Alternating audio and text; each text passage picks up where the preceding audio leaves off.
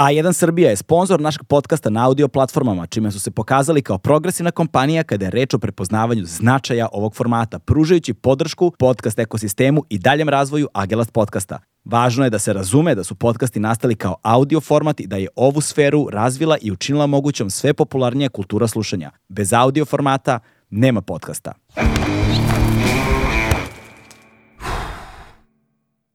Hmm.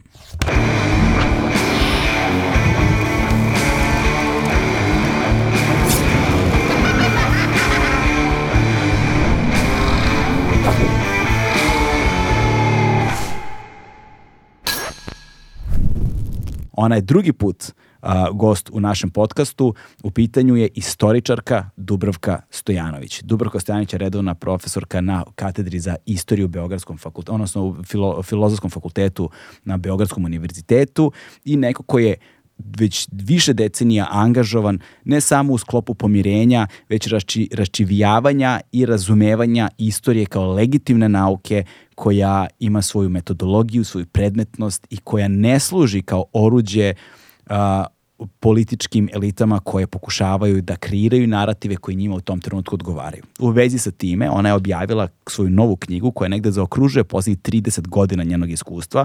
U pitanju je knjiga koja nosi naziv Prošlost dolazi u izdanju izdavače kuće 20. vek. Ukoliko vas zanima nešto više o knjizi, link će biti u pinovanom komentaru. I ova knjiga zapravo prati sve učbenike za osnovne škole i srednje škole istorije, sve učbenike iz istorije od 1913. do 2021. godine. Dakle, više od jednog veka istorije koja se onda posmatra način na koji su se istorijski narativi, događaji, e, zločinci, heroji, žrtve i tako dalje posmatrali u, isto, u, u lekcijama za osnovnu i srednju školu u zavisnosti od toga koja je vlast tada bila na snazi. I na ovako zaokruženo na jednom mestu ova knjiga zaista mnogo govori o nama i o tome ne samo gde idemo, nego i da ova prošlost dolazi nazad. Dakle, Dubravko Stojanović je naša nova gošća. Uživajte. E, pa možemo da počnemo. E. Zdravo čoveče, evo najzad u, u, kako kažeš, u normalnim uslovima. To, ono je A? bilo stvarno strašno. Čoveče, ovaj, za ljude koji ne znaju, um, mi smo već snimili jednu epizodu ovaj, koja je bila tamo, kad smo je snimili čoveče? Ne pojma. A znam da je bila nova godina jer bila Jelka iza mene. Mm koji su svi komentarisali, nisam ni svesna da je Jelka, ali mislim ono u jeku korone, jezivo dok smo to namestili, da, dok da. si ti meni done ovaj mikrofon, mikrofon svetlo, to smo nameštali u, u stanu, u stran, agonija. Da, agonija, jeste, agonija. jeste. Ovo, ovaj, to je bilo u toku pandemije, vreme lockdowna je bilo, mislim, to je možda kraj, ja, bože, sad, pogledaj Maret, koja nam je to epizoda bila, a? Pre tri godine. Pre tri godine piše, a? Tri godine i možda malo jače. Da, Eto, ne znam, tako da- užas. Da, pardon, tako da da, pre tri godine i I to je da nošenje mikrofona, svetala, podešavanje onih softvera, programa za snimanje, prebacivanje i tako dalje. Pomoć dece koji su to sve sredili. Kaos. Ne bi I kao ne. da se nikad nije desilo. Da, jeste. Mm. Čuda ljudski mozak. Potisneš ga... A nekako kolektivno. Kolektivno, kolektivno. Kolektivno. I, I čini mi se na nivou celog sveta, da se nekako manje više svi ponašaju da. isto tako. Jedina stvar koju sam primetio jeste kada putujemo, mnogo je veći broj turista sada na, na klasičnim turističkim mestima je ne, ono, neuporedivo i kažu mi tamo neki lokalci s vremena koju poznajem, kažu da kako su ove zabrane putovanja spale, da su ljudi kao poludeli počeli da putuju. Da, to sećam se onog prvog leta, drugog mm. leta, da to su bili talasi, talasi, ali a vidiš, to je kao posle svih velikih tragedija, o tome se ne priča jedno 10-20 godina I onda tek to postaje tema valjda tako, trauma radi. A neke teme... Izvini, ovaj, kod... Reci. Akvarijum smo. Aha, evo sad ću. A neke teme kod nas ne postanu ono aktuelne ni nakon 30 i više godina. Ah, na, neki, na neki način. Čekaj, ovaj akvarijum, moram samo svetlo da ovaj, smanjim u akvarijumu, pa i sad. Po, po, po, po. Jel bolje sada, Mare? E, tako.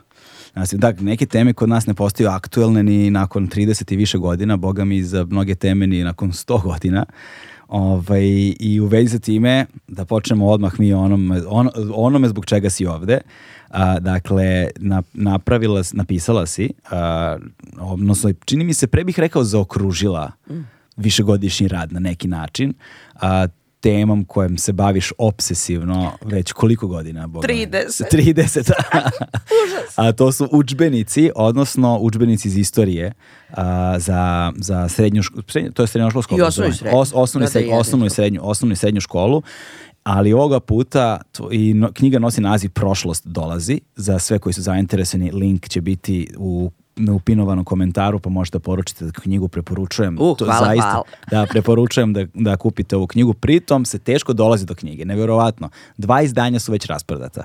Da. Znači prvi put u životu čujem za stručnu knjigu iz istorije O udžbenicima isto. o udžbenicima, stručna knjiga o udžbenicima iz istorije koja je rasprodala dva tiraža Nemam reči. Za dva meseca. za dva meseca. Da, to je stvarno, stvarno svaka čast. A to govori zapravo nešto i o, i o samoj temi, koliko je ona goruća, koliko je važna.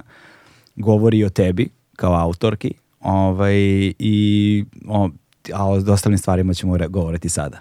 A, mi smo govorili malo u prethodnoj epizodi pre tri, godine, tri nešto godine, smo se bavili tim nekim mitovima i šta ti ja znam, št- istorijskim revizionizmom na jedan način, ali ovdje ćemo sada se pozabaviti malo ozbiljnije, u smislu a, istorijskog revizionizma u udžbenicima iz istorije. A, um, I o, volio bih da ti počneš zapravo. Um, zašto je istorija u udžbenicima iz istorije važna? Ajde da počnemo od toga. Pošto si napisala jedan jako lep uvod koji je stvarno, ako ništa, pročitajte barem uvod u, u ovoj knjizi, vrlo je važan. Hvala ti, hvala ti, hvala ti. Da, e. E, pa, vidiš, to je baš čudno pitanje. Zato što ovaj, e, kad sam počela time se bavim, a počela sam zato što su se 93. godine u vreme rata dramatično promenili udžbenici istorije u Srbiji i promenjena je čitava prošlost. I to je uočeno bilo u tadašnjem centru za antiratne akcije i to je bio prvi projekat e, na tu temu koji sam radila. Nisi, od- ra- nisi razmišljala o tome nešto ozbiljnije pre toga u životu? Ne, ne, ma nisam uopšte razmišljala da je to neki problem, nego su Vesna Pešić kao sociološkinja i njena prijateljica Ružica Rosanić kao psihološkinja uvideli tu promenu i rekli ljudi moramo ovim da se bavimo nešto se ozbiljno, dubinski, društveno će se desiti jer se menja škola kao potpuno predstava o jeziku, tu smo analizirali i udžbenike za srpski i rodnu dimenziju i razne aspekte u tada promenjenim udžbenicima. Ja od tada govorim o toj važnosti, ali vrlo često i od bliskih kolega, ljudi koji slično misle, čujem, ma koga briga za te udžbenike istorije kao da je iko išta u školi naučio. I moj jedini odgovor na to od uvek i zauvek je ja se nadam da u školi niko ništa nije naučio. Da. Barem iz istorije. Barem iz istorije, da. I stvarno neki psiholozi naši radili su istraživanja i pokazalo se da odlični đaci koji su sve znali u junu, već posle raspusta krajem avgusta su sve to zaboravili. I s te strane bismo rekli to stvarno ničemu ne služi. Međutim, s druge strane, meni je važno nešto drugo. Dakle, nisu mi važni istorijski podaci, ni godine, ni kraljevi, ni vlade, nego je važno ono zbog čega i dalje u našim programskim dokumentima piše da je istorija zajedno sa srpskim jezikom i sa recimo muzičkim identitetski predmet. Dakle, to se još uvek tako tretira. Dakle, to nije obrazovni predmet. Cilj tog predmeta nije da stvori kritički misleće ljude, nego da im stvori određeni nacionalni pa i politički identitet. I tu već počinje drama. A drama je u tome, evo nekoliko podataka koji govore o značaju svega toga. Znači, udžbenici su promenjeni 93. u Srbiji, ali su 92. već promenjeni u Hrvatskoj, 94. u Bosni i Hercegovini. Pa šta više da kažemo, ako te države u sred rata, ovde i sankcija, bede, hiperinflacije i svega ostalog, ako te države misle da treba baš da promene prošlost. Dakle, to je već jedan podatak koji jasno govori o tome da je to državama važno. A čim je državama važno, onda treba i da vidimo zašto im je to važno. Drugi put su se udžbenici u Srbiji promenili 2002. godine, dakle posle promene vlasti, ponovo se pojavila potreba da se promeni prošlost mm -hmm. i u ovom slučaju pre svega se promeni drugi svetski rat. Mm -hmm. I samim tim, iako sam ja mislila na neki način da sam s tom temom završila, morala sam ponovo da se vratim toj temi, da vidim sad šta je sad, oč, zašto je sad bilo potrebno da se sa smenom vlasti promeni neki delovi prošlosti. I to je nastavilo da se menja, u nekim situacijama menjalo se zbog reforme školstva, to je bilo u redu, uveli smo više izdavača, slobodno tržište 2010. 2021. ponovo je promenjeno sa nekim dobrim namerama, međutim pro, bitno je pro, promenjeno i tumačenje ratova 90-ih uh, u ovim poslednjim učbenicima, tako da je svaka ta promena mene terala da se time bavim i zato se toliko tog, time dugo bavim. Knjiga se završila time, doviđenja, da. ajte vi sada pozabavite se ovom temom. Obećala si da se više nikada nećeš baviti. Obećala sam, sebi i svim. Ali obećavala si to više puta. Jesam, šta da radim, onda se pojave novi, ja to moram da pročitam Ovi... i onda shvatim zašto su morali da se promene i to moram da onda napišem. A, da li imamo neke značajne naslednike on, ovoga što ti radiš. Srećom ih ima, ima da, ih. srećom ovaj, su nove generacije shvatile da je to Ipak važno važno i sad se bave i oni. Ove, ovaj, a, jedna, jedna stvari koja mi je strahovito zanimljiva ovde bila jeste, kaže, zbog čega, a, zbog čega učbenik? Kaže, kaže učbenik, kao kaže Hrvatska istoričarka Snježana Koren, knjiga o prošlosti sa pečatom države. To znači da je to po znacima navoda overen tekst, to je sušta istina. Pečat se stavlja na onaj tekst u koji država želi da verujemo, na onu sliku nacionalne prošlosti koju država želi da prihvatimo i slavimo. To je zvanična istorija, politički projekat koji svake, svaka vlast štimuje prema sebi. I učbenici su jedan od najvidljivijih izraza državne politike sećanja. Repozitorijum pravilnih tumačenja. To mi se jako sviđa i sviđa mi se ovaj, čiji je to citat a, koji kaže da je zapravo, to je italijanski istoričar neki beše, da je, da je, da je izudžbenik iz istorije bestseller Da je to, naj, da je to naj, najpopularnija knjiga iz istorije na planeti, jer je to jedina knjiga koju su svi pročitali. Možda je vrlo često jedina istorijska knjiga koju su ljudi pročitali u svom životu. Tako je. Tako da, eto, to su sve još dodatni argumenti zašto da. je to važno, zašto to ima smisla i ovo što kaže Snježana Koren, uh, bez obzira što ljudi neće naučiti ili neće zapamtiti te podatke, oni veruju tome, jer je to odobrilo ministarstvo i onda ta slika ko smo mi, ko su ovi narodi oko nas, kako je naše mesto u prošlosti, sadašnjosti, uh, jeste nešto što hoće zapamtiti. Dakle, to je poenta. Mm. Ostaće im ta identitetska poruka koju učbenici hoće da prenesu, koje ministarstvo, to je država hoće da prenesu i to je ono što je tu najopasnije, da, da tako da. kažem. Zbog da. toga mislim da je važno time se da, baviti. U posljednja dva razgovora, pomenuo sam to, bio, razgovarao sam sa profesorom Ivanom Vujačićem i posle sam razgovarao sa Boškom Jakšićem i pričali smo o globalnim politikama, globalnim procesima, odnosima pozicije Sjednih američkih država, o izraelsko-palestinskom sukobu i tako dalje.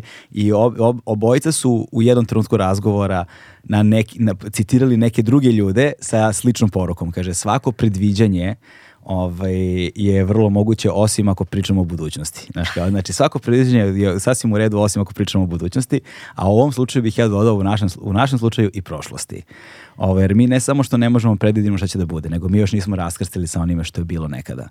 I razmišljao sam puno o tvom uvodu pre nego što ovaj, pre uopšte prelaska na samo, na samo gradivo, um, a to je da zanimljivo je kada si postavila pitanje zbog čega su ti užbenici iz istorije važni i kada smo došli do toga da je to identitetska stvar, ovaj, zanimljivo je kako kreiramo stvarnost kako kreiramo odnos prema sebi i svetu oko sebe i na koji način se zapravo emocionalno identitetski, to jest vezujemo za određene pojmove. I koliko se tim pojmovima, za, ukoliko postoji na jednoj ovakvoj instanci mogućnost manipulacije, kako ona lako onda prolazi i niko je ne dovodi u pitanje. Znaš, ja ti pošleš dete u školu i ti veruješ da je sve to kako treba. Znači, i to je u porodici, u školi, u društvu i nikada se više ne dovede u pitanje. Znaš, i to kreira jednu atmosferu koja je strahovito opasna, čini mi se. ovaj, a nada se pogrešno. E, i volio bih sada da pređemo polako. Kada si rekla da su se prvo promenili udžbenici u Hrvatskoj i BiH, ovaj, a potom i kod nas, šta je to oko čega, mislim, kako je, ta, kako je taj trenutak izgledao? Dakle, šta su to oni tada menjali ovaj, i kako je, kako je izgledao po znacima navoda naš odgovor na to? Da, pa to je stvarno bilo dramatično i eto, ogromna je sreća što se odmah, e, pre svega u Hrvatskoj i, i u Srbiji, su se našli ljudi koji su uočili tu opasnost, koji su tada počeli da alarmiraju i svoju i evropsku javnost i mi smo vrlo brzo već 94. godine imali prvu konferenciju koja je održana u jednom fantastičnom institutu koji, u Nemačkoj koji se bavi samo analizom učbenika. Taj institut je takođe zanimljiva jedna priča. Uh, I uh, mi smo odmah počeli da radimo zajedno. I to je nešto što, evo, i sad stalno ponavljam kolege, kolegama iz recimo Ukrajine i Rusije, morate početi da radite dok rat još uvek traje. To je jedini način da, da. steknete poverenje za vreme posle rata, makoliko da je to izuzetno teško. Mm -hmm. Šta se sve promenilo? Pa sve se promenilo. Dakle, uh, jedan način na koji se promenilo bilo je da se celokupna prošlost od dolaska Slovena prikaže na dva moguća načina. Jedan je da se nikada nismo sreli. Mm. Znači, Srbi i Hrvati, ne znamo, mi tako živimo neke uporede živote, paralelne realnosti, krećemo od nekud, nešto od njepar njestar i tako se etnički očišćeni pod sa nekom vrlo čvrstom granicom naseljavamo tu i nikad se nismo sreli. To je jedna mogućnost, zato što se iz tih priča o prošlosti ne vidi nikakva saradnja, ništa zajedničko, dakle sve što je na čemu je prethodni socijalistički period insistirao, toga sada više ničeg nije bilo. Ono što je ostalo su sukobi. Dakle, oni se ne viđaju, ne sreću u, od stoljeća sedmog, kako se to kaže, mm. a kad se slučajno negde sretnu, onda odmah dođe do sukoba, jer je to jedini u stvari kontinuitet u kome oni mogu da postoje. postoje.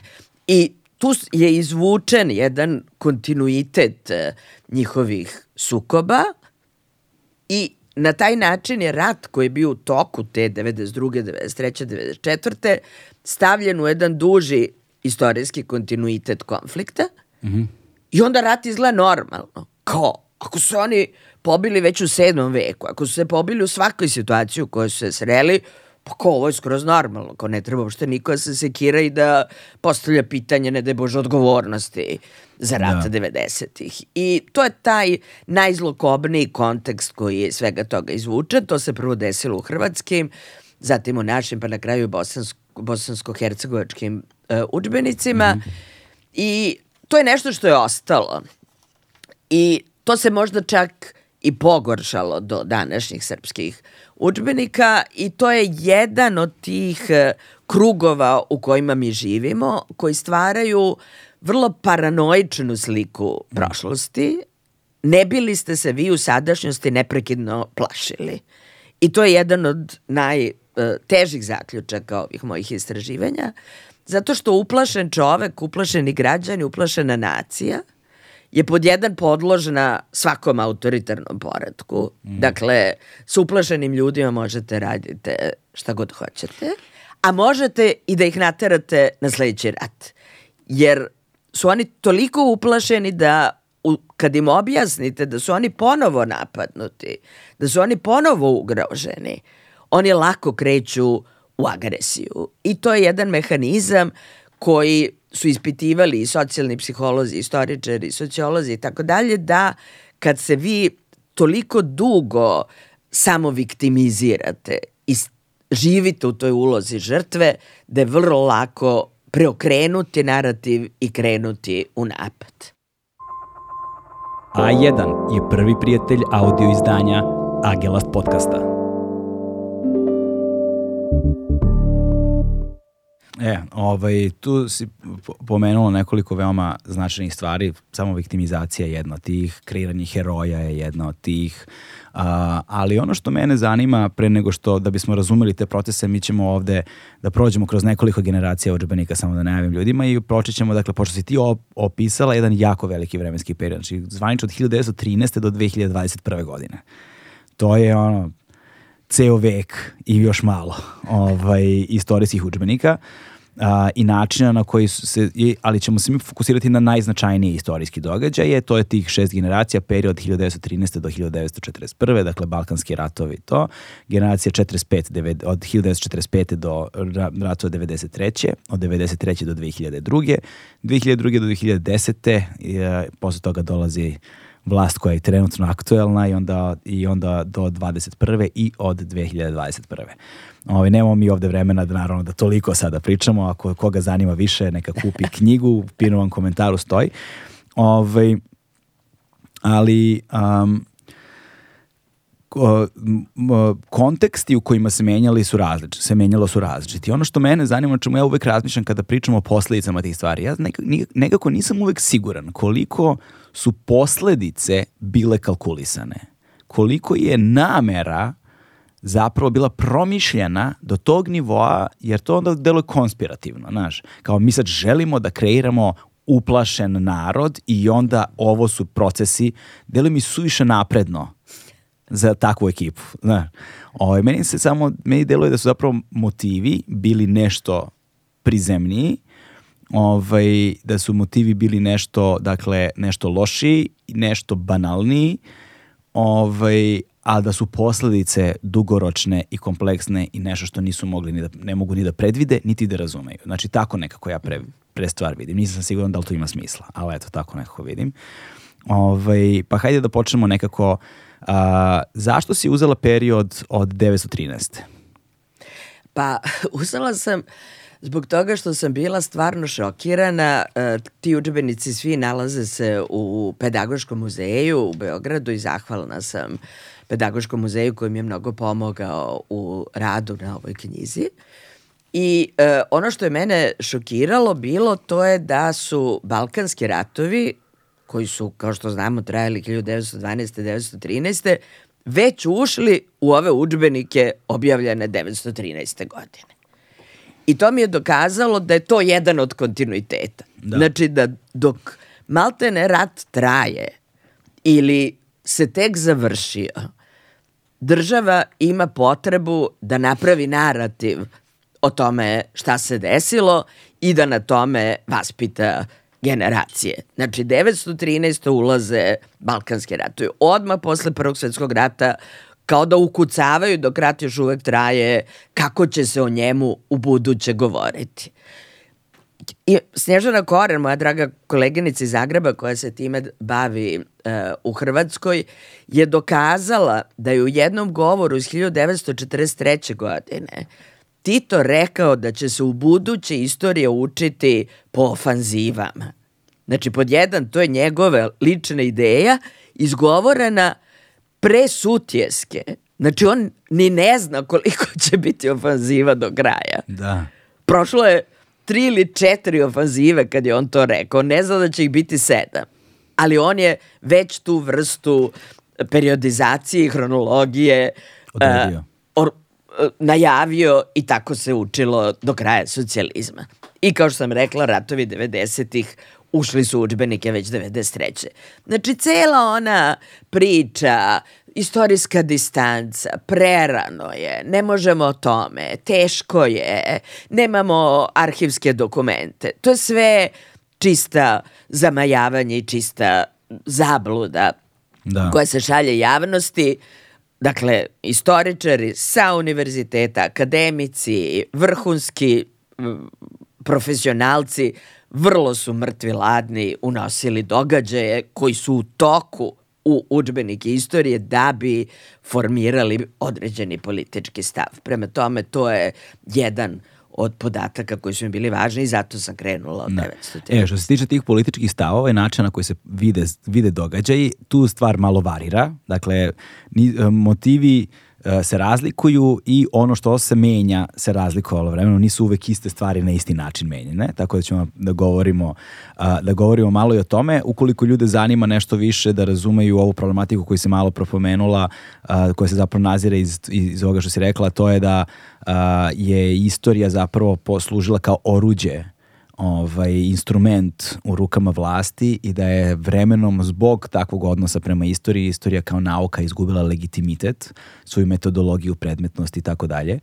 Ovaj, I da zapravo ono što ti i e, brojni istoričari ovaj, poput tebe na prostoru bivše države ovaj, pokušavaju jeste da vrate upravo taj ugled, taj legitimitet i da vrate mapu, vrate uh, istoriju nazad na mapu naučnih disciplina. To je sve tu... Imamo i deklaraciju koja zove Odbranimo istoriju, možete naći na sajtu Krokodila. Napisali smo je svi zajedno iz bivše Jugoslavije jer svi imamo isti problem. Branimo našu disciplinu. E, upravo tako. Dakle, a, kada govorimo a, o 1913. govorimo zapravo o balkanski, balkanskim ratovima. A, šta je tu a, kako, kako si ti nazvao, najpopularniji ratovi u modernoj srpskoj istoriji, ovaj, a, koji su slavljeni kao dan, vel, dan, veliko, dan velikog obračuna, jel te? Ovaj, šta je tu prvo menjano? Šta je, to, šta je prvo što si primetila da je tu promenjeno i šta nam to govori? Pa, tu mi je bilo strašno zanimljivo što u tim prvim učbenicima koji su objavljeni, znači 1913. 1914. godine, tu tu je još uvek, da tako kažem, sve pošteno. -hmm. Znači, tu još uvek ne radi ideologija i piše se onako kako je zaista bilo. Dobro. Jer ti ratovi su zaista veoma važni, Srbija je udvostručila svoju teritoriju, dobila je uh, Sanđak, Kosovo i Makedoniju, današnji e, te teritorije i e, dobile dodatnih skoro milion i po stanovnika i pre svega vratila se na neke od granice iz srednjeg veka i sklonila Osmansko carstvo posle pet vekova. Dakle, u tom smislu ti ratovi su zaista slavljeni i smatrani vrhuncem srpske istorije i ostvarenjem tog viševekovnog sna. Međutim, tu je bilo naravno nekih uh, spornih situacija u tim ratovima, nekoliko spornih situacija. I u ovim prvim učbenicima uh, u oduševljenju zbog e, rezultata tih ratova oni mirno pišu o tim spornim situacijama. Mm. Međutim, kad... Šta znači mirno? Pa znači iznose, Aha. iznose sve te podatke za koje će se vrlo brzo kasnije shvatiti da su problematični i oni će polako nestati. Mm. Recimo, okay. Recimo, podatak da je u drugom, svet, e, u drugom Balkanskom ratu Turska učestvovala na istoj strani gde je i Srbija i Grčka i Rumunija protiv Bugarske. Dakle, sada biti odjednom sa vekovnim neprijateljem na istoj strani je nešto što se moralo izbrisati. I mm. Turska nestaje. Nje više nema, ni ona saveznica Srbije, ali je na istoj strani protiv Bugarske. I ona se više ne pominje posle u kasnijim učbenicima. Ili ono što je moj zaista omiljeni primer ikada i to sam govorila Peščaniku, ljudi su to zapamtili jer je zaista dobar primer. L, e, proklamovani srpski ratni cilj 912. godine, pored Kosova, Sančaka i, i Makedonije, dakle, pored tog pravca na jug, je bio pravac na zapad mm -hmm. i osvajanje, stvaranje srpske luke na Jadranskom moru preko Severne Albanije. Da, da, da, da, da. I to je sad ta čuvena priča.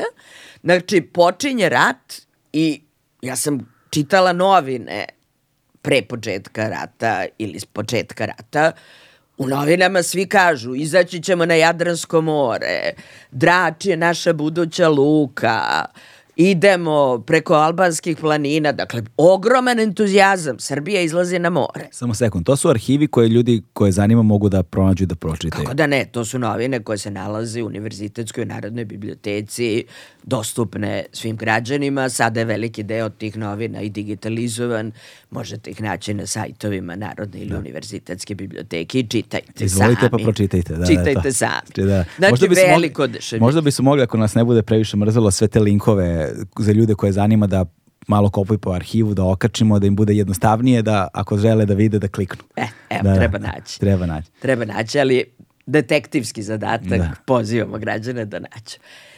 I ogromno oduševljenje, znači nema nikakvog spora. E sad, oko čega nema spora? Ti ratovi, kad krene ideologija, zvaće se isključivo oslobodilački ratovi. Dakle, mi oslobađamo naš narod i naše teritorije koje su živele pod Osmanskim carstvom. Severna Albanija, boga mi, izlaz na mo- Jadransko more nije oslobađanje. Dakle, to je sasvim jasno teritorijalni, ofanzivni ratni cilj.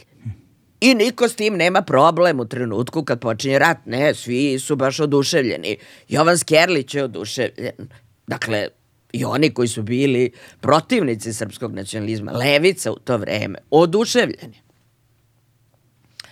Međutim, to krene u lošem pravcu, to sa Jadranskim morem, ali je bitno da Znači, srpska vojska prelazi preko Severne Albanije prvi put u novembru 1912. godine.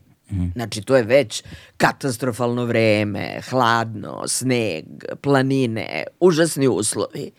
Dolazi do Jadranskog mora i sve velike sile zajedno, uključujući ovu fake prijateljicu Rusiju, i Austrougarsku, i Francusku, i Nemačku, svi zajedno kažu, čekajte drugari, vi niste predviđeni ovde. Mi smo podelili zone našeg interesa.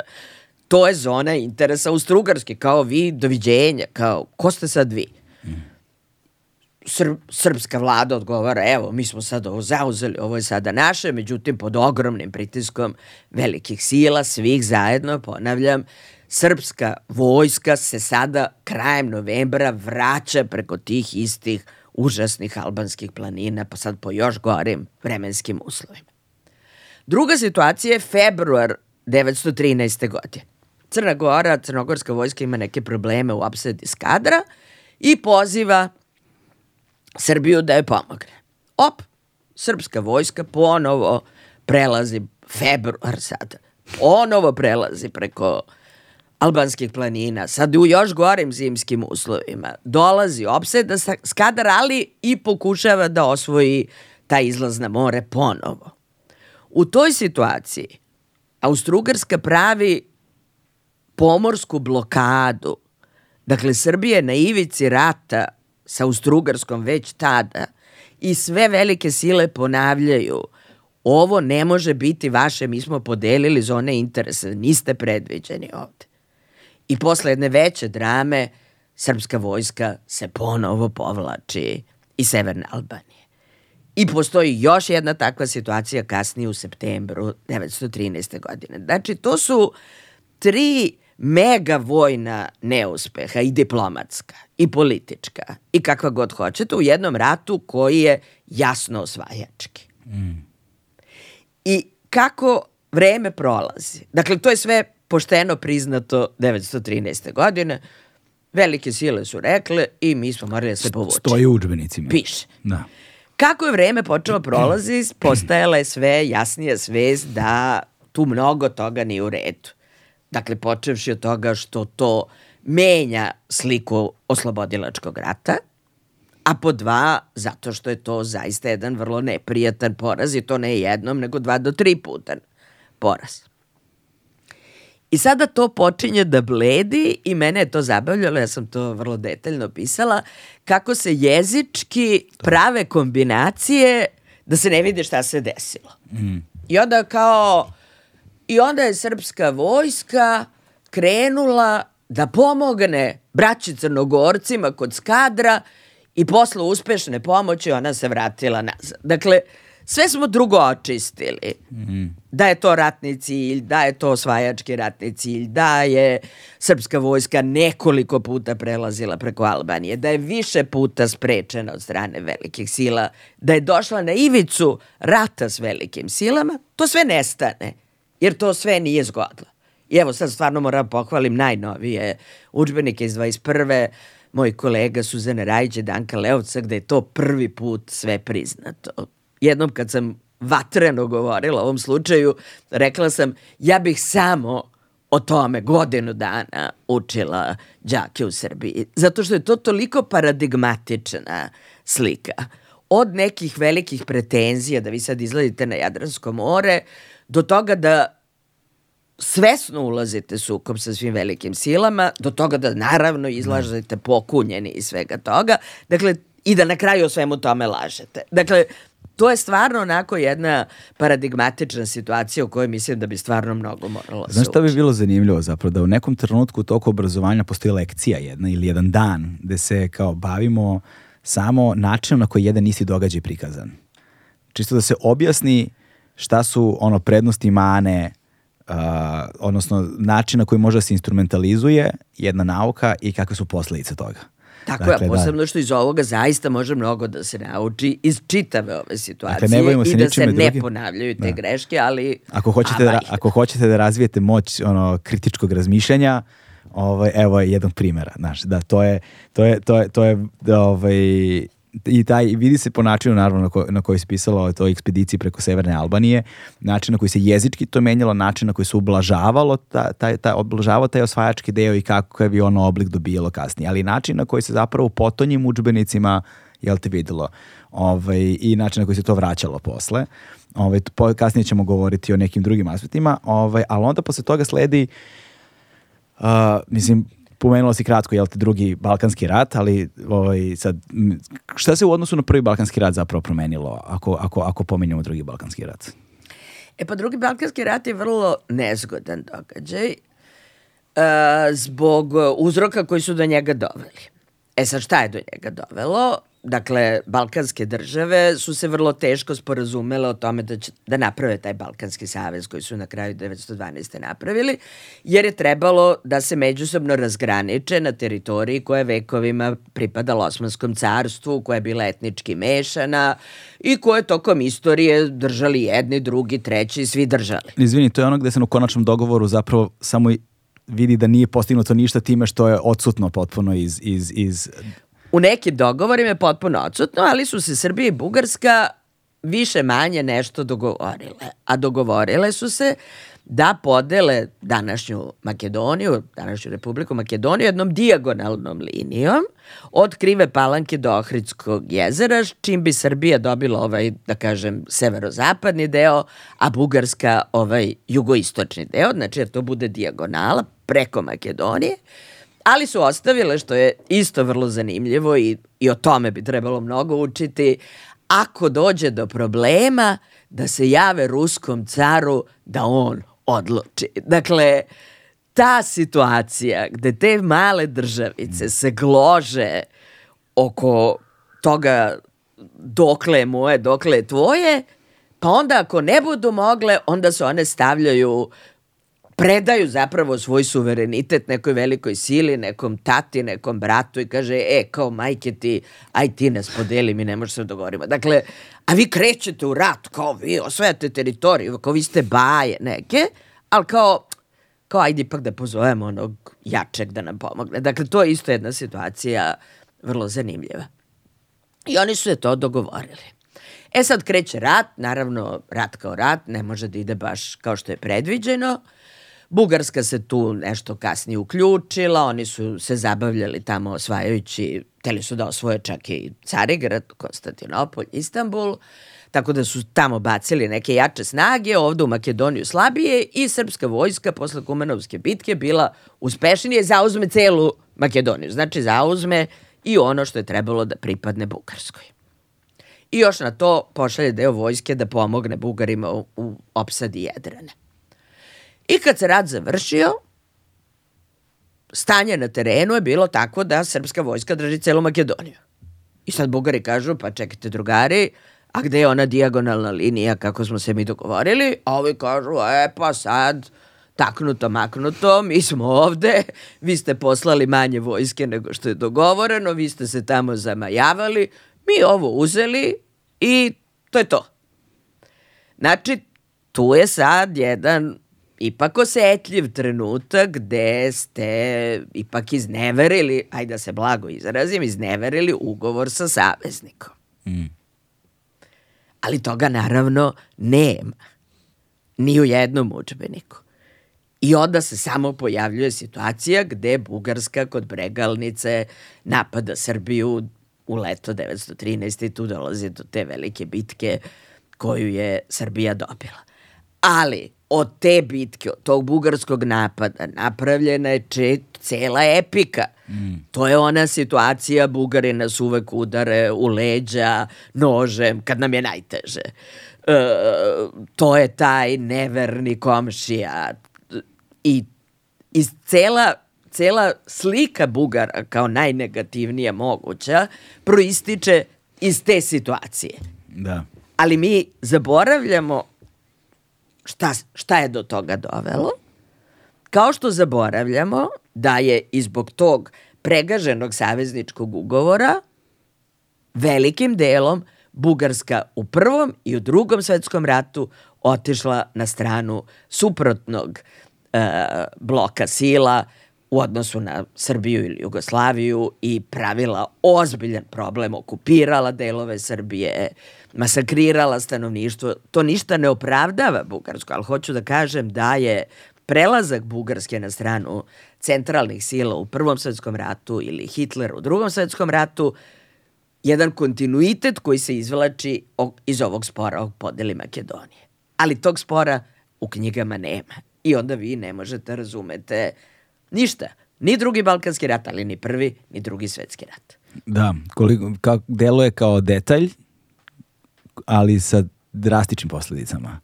Ovaj, iz osnovnih. Zanimljivo bi bilo zapravo videti uh, bugarski učbenik iz istorije. A oni su potpuno suprotni. Oni su potpuno suprotni, tu, tu su Srbi opet pa krivi za sve, oni uvek otmu, prevare. Radili smo mi ta komparativne istraživanja, imamo mi objavljenu knjigu o tome. Da, da, to je da. vrlo zanimljivo, Ko je, potpuno je suprotna slika. Ko je radio se na tim, tim, na tim istraživanjima? Pa mi smo to radili e, zahvaljujući Centru za demokratiju i pomirenje i Soluna, šefica je bila naša divna koleginica Kristina Kuluri, grčka profesorka, i mi smo poredili sve balkanske udžbenike na te sporne teme. Da, da, da. I balkanski ratovi su ceo jedan značajan deo, jer iz tih sukoba su proizašli kasnije mnogi drugi sukobi sve do danas. Tako da, da imamo za... knjigu Clio na Balkanu gde smo to sve da, objavili. I, ovaj, I zanimljivo je kada se je pomenjala isto, da se samo vratim na sekund, ali ovaj, je kako, a, kako recimo izbrisano to da su na, u tom da su, da su, da su Turci bili sa, ne saveznici, ali da su, su bili na istoj strani. I ovaj, zapravo kada se govorilo o tom etnički pomešanom te stanovništvu i tako dalje i ko se sve nalazio na tom prostoru, ka, simptomatično je vrlo po načinu na koji je prikazano ko je tu bio, a ko je izostavljen da je bio, ovaj, se negde i poprikazuje a, priroda odnosa koji se genir, generišu u budućnosti. Znači što diplomatskih, što kulturoloških veza, što ono kolokvijalnih veza, ovakvih i onakvih. Pozicija sa Grčkom, na primer, je isto vrlo zanimljiva kada govorimo o toj poziciji tu. I on, to su stvari o kojima zapravo nisam razmišljao nikada, ovaj, nisam da razmišljao prosto nikada, nekako ro, rod, rode, rodivši se i odrastajući uh, prihvataš zdravo za gotovo neke prirode odnosa jel te, kao, ovo je kao bratski narod, ovo je kao prijateljski narod, s ovima smo tradicionalno neprijatelji, a zapravo to sve je konstruisano. Sve je konstruisano, sve je konstruisano. evo ti najbolji dokaz koliko je konstruisano. Dakle, jedini učbenici koji se stvarno i dubinski razliku od ovog uh, glavnog narativa su udžbenici u vreme socijalizma e, pa tu, i da. u tim recimo udžbenicima su balkanski ratovi isključivo nazivani imperialnim ratovima, osvajačkim ratovima, dakle tu gotovo ničeg oslobodilačkog nema, dakle tu su se balkanske države trudile da osvoje teritorije, da isele stanovništvo prisilno i tako dalje. To je pa ali druga šta, krajnost. To da. je pa druga krajnost, da. ali sad šta je tu recimo zanimljivo? Da u tim prvim učbenicima uh, socijalističkim objavljenih 50. i ranih 60. godina nema bal drugog balkanskog rata, nema ga uopšte. Wow. Znači, kao što onim međuratnim nije ja. bilo Turske, jer je to kao nezgodno, sad je Bugarska naša bratska socijalistička susedna država i kao kako sada kažemo da su se Srbija i Bugarska međusobno sukobili u drugom Balkanskom ratu, pa kao pa da ne pomenemo taj rat uopšte, pa kao aj to tako rešim. I nema drugog, ja kao, da li sam pogrešila, da li su otpale te stranice, proveravaj deset puta gde je drugi Balkanski rat. Nema drugog Balkanskog rata i eto, to je to štimovanje U kojem, istorije. u kojem, koj- od kog do kog perioda, u kojim udžbenicima ga nema? E, od tih prvih koji su objavljeni e, 53. četvrte pa do negde kraja 60-ih je zaboravljen drugi Wow, svetski rat, drugi da. Balkanski rat, onda Da, to znači ako bih otišao u ono neki u, u, u ormar i našao pronašao Kevin stari udžbenik i otvorio I ga ne- nema. nema, nema, nema. Da. Wow, to bi bilo vrlo zanimljivo. To bi bilo vrlo zanimljivo vidjeti zapravo. Ove, on, a ono što iz, prirodno proizilazi iz takvog jednog iz, iz takvih stvari jeste da i u to vreme su živjeli i radili ljudi koji pamte i koji su se bavili istorijom i da li su postali pokreti ili nekakvi glasovi a, koji se sada vide ili za koje znamo ovaj, koji su kritikovali ta, ta- takav odnos prema istoriji koji su se trudili da se ona po znacima navoda ne zaboravi. Pa ne, mislim da niko nije obraćao pažnju na to, kao sad to neka istorija za osnovce, ko će to da čita. Mislili su da je to nevažno, evo sve do ovog incidenta, da tako kažem, iz 93. godine.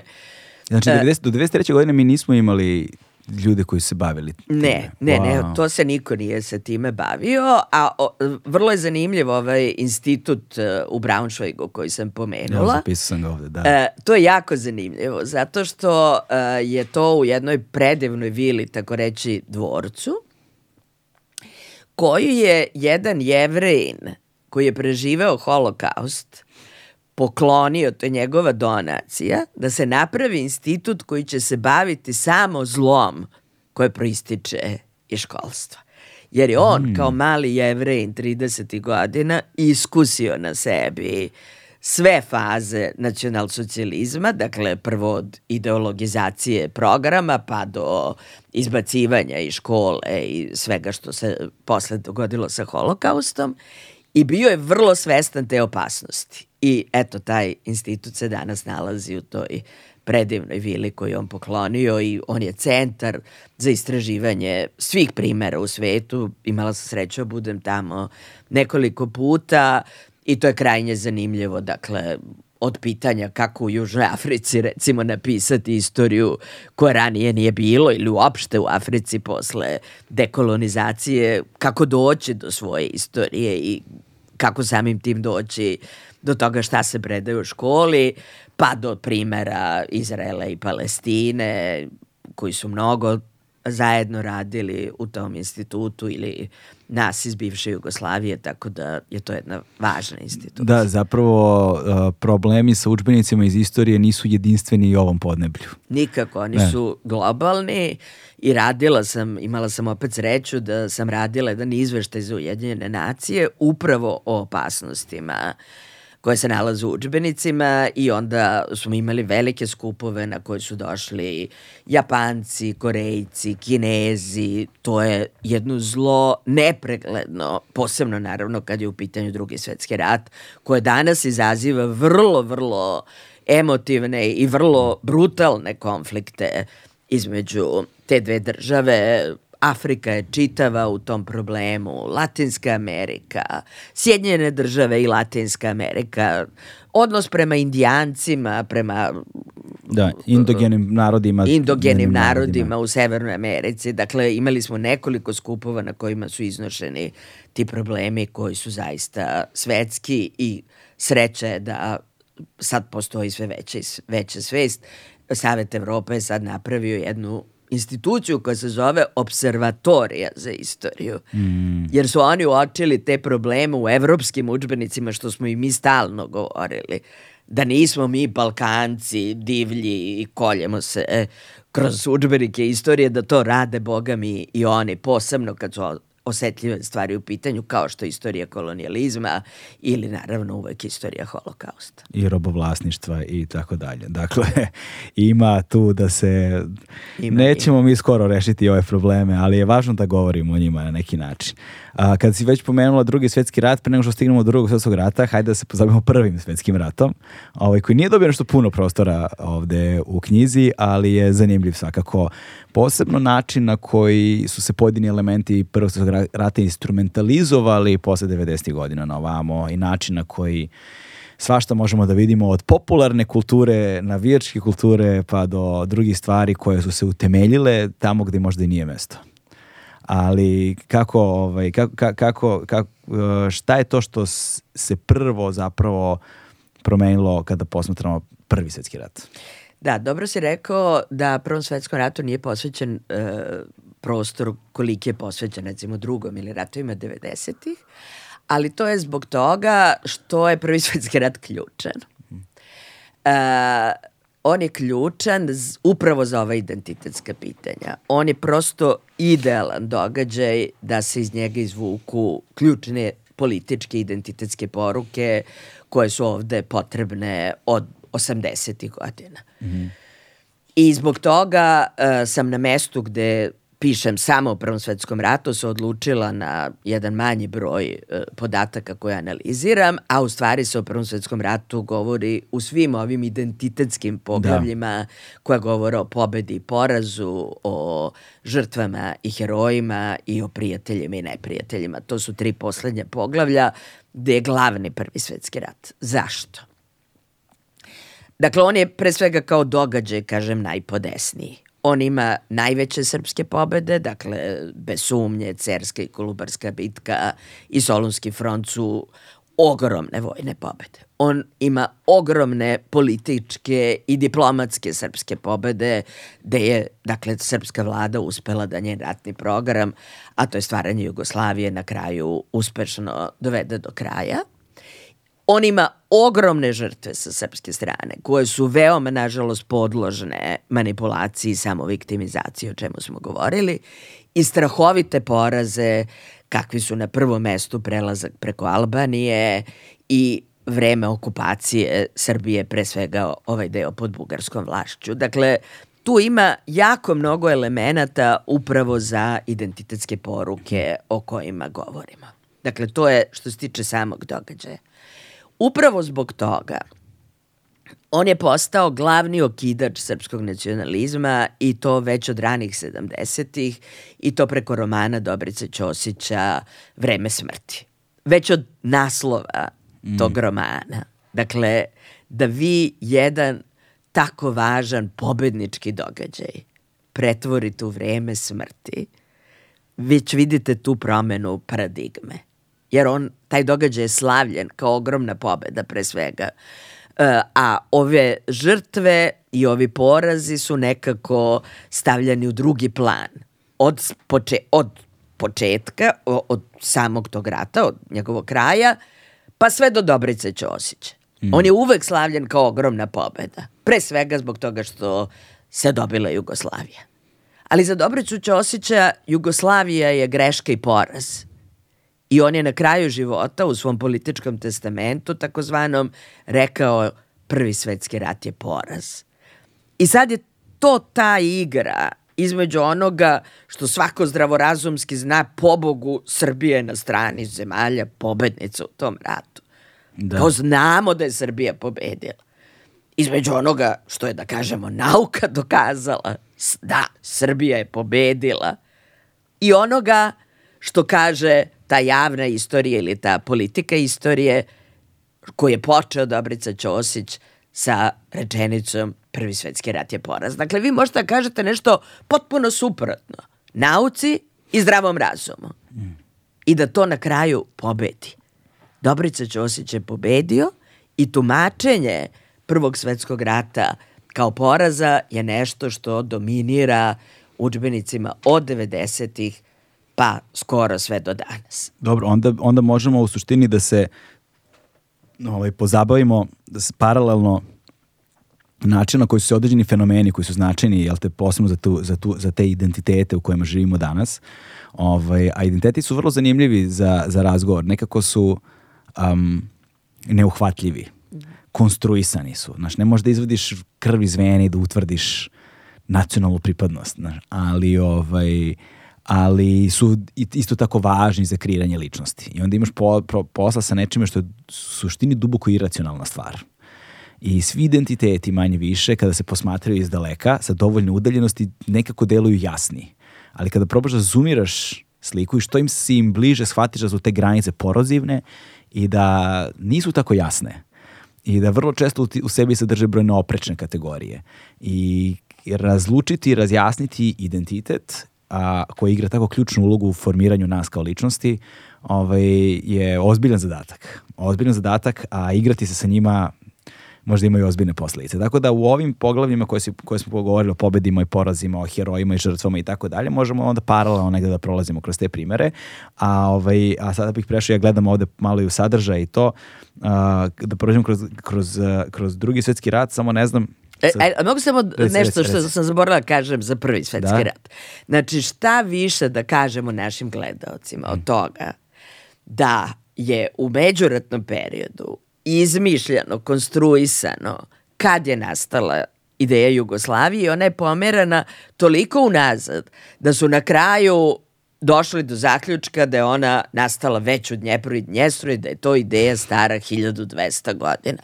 I stalno ponavljaju 1200 godina stara ideja Jugoslavije. 93. godine u učbeniku piše rečenica ideje Jugoslavije u Srbiji nikada nije bilo. Tačka. Dakle, šta više reći o zloupotrebi da.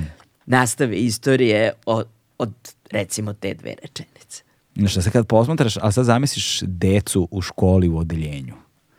I kao, i, znaš, i ne znam, to mi je, to mi je nevjerojatno. U, uh, drugi svetski rat, za razliku od prvog svetskog rata, ima ovaj, dobar, značajan, zna, značajan deo knjige. Sad ja razmišljam koliko nam je, koliko mi imamo prostora da govorimo ovde o ono 27. marta, o ustancima, sedam ofanziva koje si pomenula sa, sa, sa, sa, sa maršalom, jel te?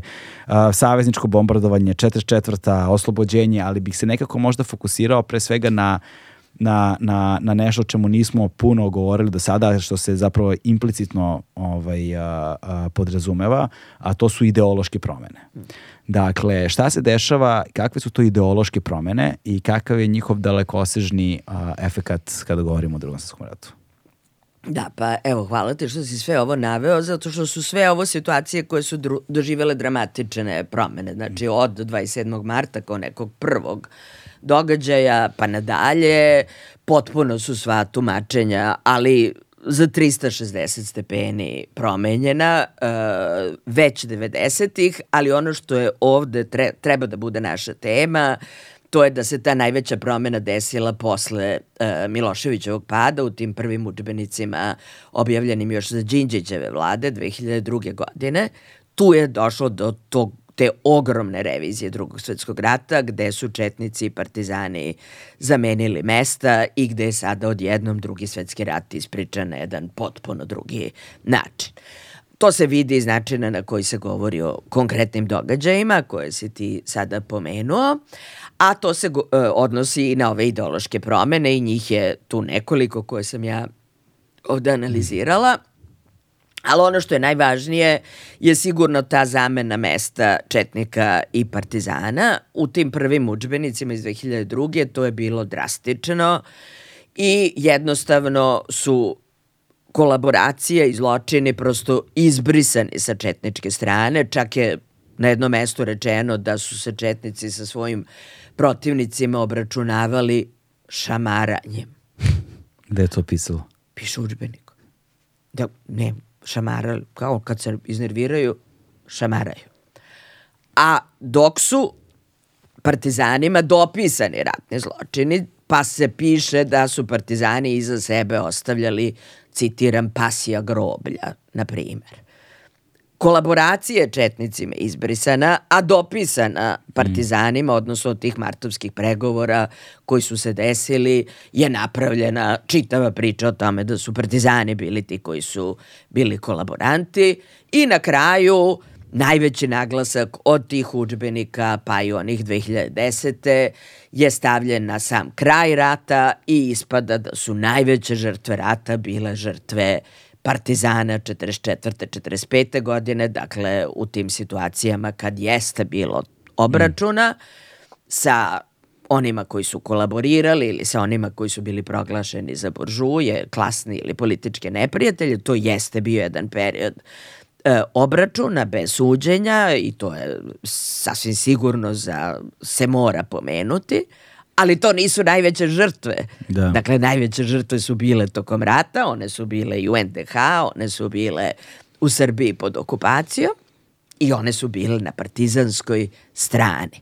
E to vi danas ne možete da kažete u Srbiji jer se Srbija kroz učbenike istorije, kroz zakon o izjednačavanju četnika i partizana, kroz sudske procese koji su rehabilitovali četnike, kroz zapuštene partizanske spomenike, kroz 900 ulica u Beogradu koje su promenile imena i gde su skinuti svi antifašisti, Srbija je samu sebe stavila na stranu poraženih. Dakle, evo šta je politika istorije. Ako smo pre, mm. malo pregovorili da je Srbija odlučila u tim interpretacijama prošlosti da je prvi svetski rat poraz, ona je sada kroz revizionizam drugog svetskog rata sebe takođe stavila na poraženu, to jest četničku stranu. I I sad šta vi, ne samo kao istoričar, kao građanin da mm. da kažete, pa kao čekajte ste ludi, pa kao mi smo na strani pobednika u prva dva, u oba svetska rata sa ogromnim žrtvama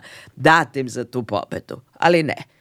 I mislim, ne znam šta mi je tu uh, dramatičnije da sad izvučem za, za naše gledalce, ali evo recimo uh, jedan podatak. Dakle, streljanje građana u Kragujevcu, uključujući i đake. Sve ono na čemu je odrasla moja generacija od krvave bajke Desanke Maksimović do velikog moja školskog isto, da, da. časa, to je danas svedeno na jednu rečenicu. Šta, da, danas u udžbenicima? Danas u udžbenicima. Šta stoji? Stoji, dobro, desilo se to streljanje đaka i to je tačka. Zašto? Zato što su hapsili Nedićevci i Ljotićevci koji imaju u današnjem društvu značajnu podršku. I vi ne možete danas da pišete o ubijanju u Kragujevcu, jednoj od najvećih sigurno tragedija ovog naroda, zbog toga što imate problem sa ovim kolaborantima koji su vam danas očigledno ideološki mm. bliski. Ono što je a, meni zanimljivo bilo prolazeći kroz knjigu jeste da način na koji se vlasti, menjaju, vlasti kada se menjaju, način na koji se njihove politike menjaju, uh, ekonom, ekonomski pogledi na stvarnost menjaju, da li su za, ne znam, državno upravljanje, da li su za privatan kapital, da li su liberali ovakvi ili onakvi. I sad, znaš, na, na, na brojne načine su te vlasti imale drastične razlike u tom pogledu. Ali kad posmatraš identitetski odnos prema istoriji, tu su prilično homogeni bili. Činjenica da se nakon promene vlasti Slobodana Miloševića i ulazkom u takozvan period demokratije, ta stvar nije promenila i da, smo, da je ostao kontinuitet posmatranja je nešto što mi je bilo vrlo zanimljivo. Jer iskreno nisam Mislim sad, nisam baš bio neki pretarano dobar đak u školi, pa se ni ne sećam ničega, kamoli istorije, ja sam jedan od tih. Bravo. Ovaj, pa sad ovako, da, u poznijim životnim godinama pokušavam da popunim retroaktivno e, rupe, dobro, dobro, rupe u znanju. Ovaj, ali nisam nikada posmatrao, vidiš, iz tog ugla, da, da bez obzira na sve te razlike na kojima se valjda smo svi upali u tu zamku, znaš, da se, da, da, da se ljudi dele, ovi mrze ove, ovi mrze ove, ovi su žuti, ovi su ovakvi, napredni, ovi su ne znam koji, sad tu se optužuju ljudi, gađaju svim i svačime i to je nešto što nam je svakodnevnica, ne moram to da komentarišem, ali nikad nisam zaustavio zapravo i da, i da posmatram koje su sličnosti. Mm. I ovo je jedna od velikih. I ovo je jedna od velikih i jedna koja a, mi je vrlo zanimljiva fenomenološki. Kako je moguće da su u tim promenama uvek bili spremni na zaista radikalne promene. Ekonomske promene su radikalne promene koje utiču na direktno tvoj život ovaj, automatski i spremni za njih da se sukobljavaju, ali za ovakve stvari ne. Šta je, šta, šta je to što stoji iza ovoga u čemu mogućnost promene pogleda na stvarnost ne može da se desi? Pa da, to je zapravo ključno pitanje i to je ono zbog čega sam se ja stalno vraćala učbenicima kad god izađe nova generacija da vidim da li je tu napravljen diskontinuitet i da dođem do tog oporog zaključka da se to nije desilo. Znači, kako je moguće da vi imate poli ogromnu političku promenu 2000. godine, koja je i ekonomska, i politička, i ideološka, i... Na svakom nivou. Na svakom nivou, osim u ovom tumačenju prošlosti, odnosno razumevanju sadržnosti. A bila je dobra prilika. A bila je fantastična Znači, prilika. smo- Ali da. imaš kontinuitet, znači ono što je zacrtano kao slika o srpskom narodu njegovom mestu u prošlosti i sadašnjosti u Miloševićevim ratnim udžbenicima 93. to je ovde do danas ne nije dovedeno u pitanje. Jedino što se promenilo, a promenilo se na gore, to je ova slika drugog svetskog rata, jer Milošević to nije dirao, što zbog svoje žene, bliskosti sa Subnorom, JNA, on, on je zadržao ovu partizansku, da kažem, verziju drugog svetskog rata. To je jedino što se promenilo. Dakle, sve drugo je ovde i ne samo što je ovde, nego se i pogoršalo, zato što, kao što mnogi kažu, ne možete stvar da zaustavite na jednom stepenu truljenja. Ona trulji, truli dalje. To je pre svega taj traumatični poraz za koji se tako definisana istorijska svest ili identitetska svest vezala i to je po mom mišljenju na kraju zaključku najveći problem. E, analizirala sam, kao što si rekao, učbenike od 913. do danas. U svim tim periodima, posle Balkanskih ratova, posle Prvog svetskog rata, posle Drugog svetskog rata, postojalo to ogroman taj ponos pobedničkog naroda, to slavljenje te pobede, taj entuzijazam i taj optimizam koji proizlazi iz pobede i koji podrazumeva i slavljenje heroja i slavljenje prošlosti, sadašnjosti i budućnosti u tom narativu. Imala bih ja i protiv toga razne stvari ja kažem, ali to je da, kako, kako da kažem, to je narativ okrenut budućnosti mm. i on je pun samopouzdanja od 90. godina u udžbenicima dolazi do dramatične transformacije tog narativa. I on se potpuno menja i taj srpski identitetski narativ se identifikuje sa porazom. Zašto se to desilo? E, kad sam kao mlada istoričarka počela da odlazim na te konferencije u inostranstvo i da se govori o slikama prošlosti, često su me pitali kao šta nije u redu s vama Srbima, što se vi identifikujete s Kosovskom bitkom. Dakle, što se vi identifikujete s jednim porazom. Kao zašto je vama to centralni događaj i zašto on vas od 14. veka do danas i dalje određuje. I nisam pokušavala sam to nekako da objasnim, ali nisam imala baš dobre odgovore. Sada te odgovore imam, ne samo posle ove analize, nego zahvaljujući velikom, ogromnom napretku teorije kulture sećanja. I tu sad upućujem naše gledalce pre svega na izvanredne knjige Alaida Asman, kojih je tri su objavljene kod nas na srpskom, nemačke istoričarke. I ona je analizirala kako se piše o pobedama i porazima i ona je zaključila da postoji nekoliko tipova, da postoji čitava tipologija pobeda i poraza. I ja sam tu njenu tipologiju primenila u ovoj knjizi i pokazala sam kako se slave te, nazvala sam, pobedničke pobede, tu gde su vam puna pluća pobede. Ali gde se i porazi u tom narativu tumače na jedan netraumatičan način, ajde da tako kažem.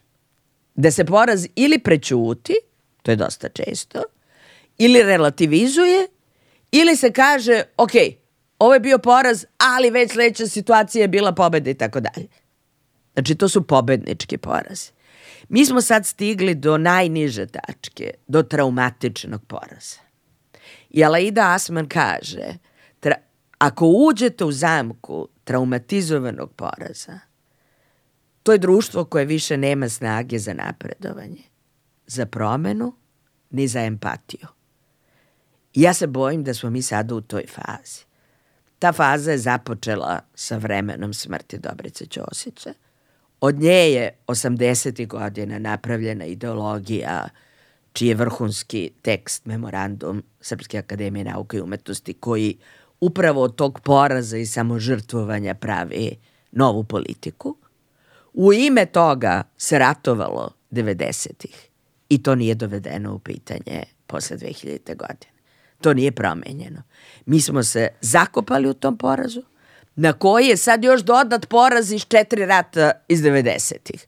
Dakle, sklon, povuč, povukla se vojska iz Slovenije, poraz sa Olujom, 95. u Hrvatskoj, poraz u Bosni i Hercegovini, po mom mišljenju, bez obzira na Republiku Srpsku i na kraju, naravno, po, najveći poraz na Kosovu i od NATO bombardovanja. Znači, na sve to prethodno su došla još ova četiri poraza koji su cementirali tu situaciju koju danas e, propagatori te politike zovu zamrznuti konflikt. U čemu si zamrznut? Mm. Zamrznut si u ideologiji poraza. Ideologija poraza je ono što vodi samo u revanšizam. Dakle, ona nema drugog motiva nego da se osveti za to što je se desilo. I to je ono što neprekidno radi Vučić. Dakle, on stalno podsjeća na poraze i stalno preti svima oko nas. I to je ono u čemu on u stvari ovde dobija. Dobija jer je stvorena takva klima, stvoren je takav duh vremena i on to fantastično koristi ili jednostavno on tako i razmišlja. I posebno bolno mi je u svemu tome ovaj deo kod Aleida Asman, to je društvo na kraju bez empatije. I mislim da smo mi u toj fazi. Zločini u Ribnikaru, Malom Orašu i Duboni su na trenutak probudili ovo društvo. I na trenutak postavili pitanje kako smo dotle stigli, šta su uzroci, šta je dovelo do toga da gotovo 20 mladih ljudi bude ubijeno na taj način. Ali kao da se sada i to već zaboravilo. I kako je moguće da vam nije žao Ukrajine? Kako je moguće da navijate za onoga ko izvršio agresiju? Dakle, to je za mene slika tog stanja u kome se mi nalazimo, koje je krajnje zabrinjavajuće. Mm. Da, to vrlo ima smisla. Ali ono što mene, kad razmišljam o tim stvarima, zanima pre svega da me brine, brine, to, to se valjda nekako podrazumeva, ali razgovarajući ovde baš u ovom studiju sa brojnim ljudima, um, u, vrlo često sa, o, sa, sa stručnicima u različitim aspektima obrazovanja, a, dolaziš lako do zaključka da je stvar metastazirala i da se postavlja otvoreno pitanje, vrlo otvoreno, znači više nije ni skriveno, vrlo otvoreno pitanje, šta je neophodno da se desi da se taj proces preokrene. Da li je taj proces postao irreverzibilan? Da li je taj proces postao nepromenljiv? Da li i na koji način iz stanja gubljenja, potpuno gubljenja empatije mi možemo da se izvučemo?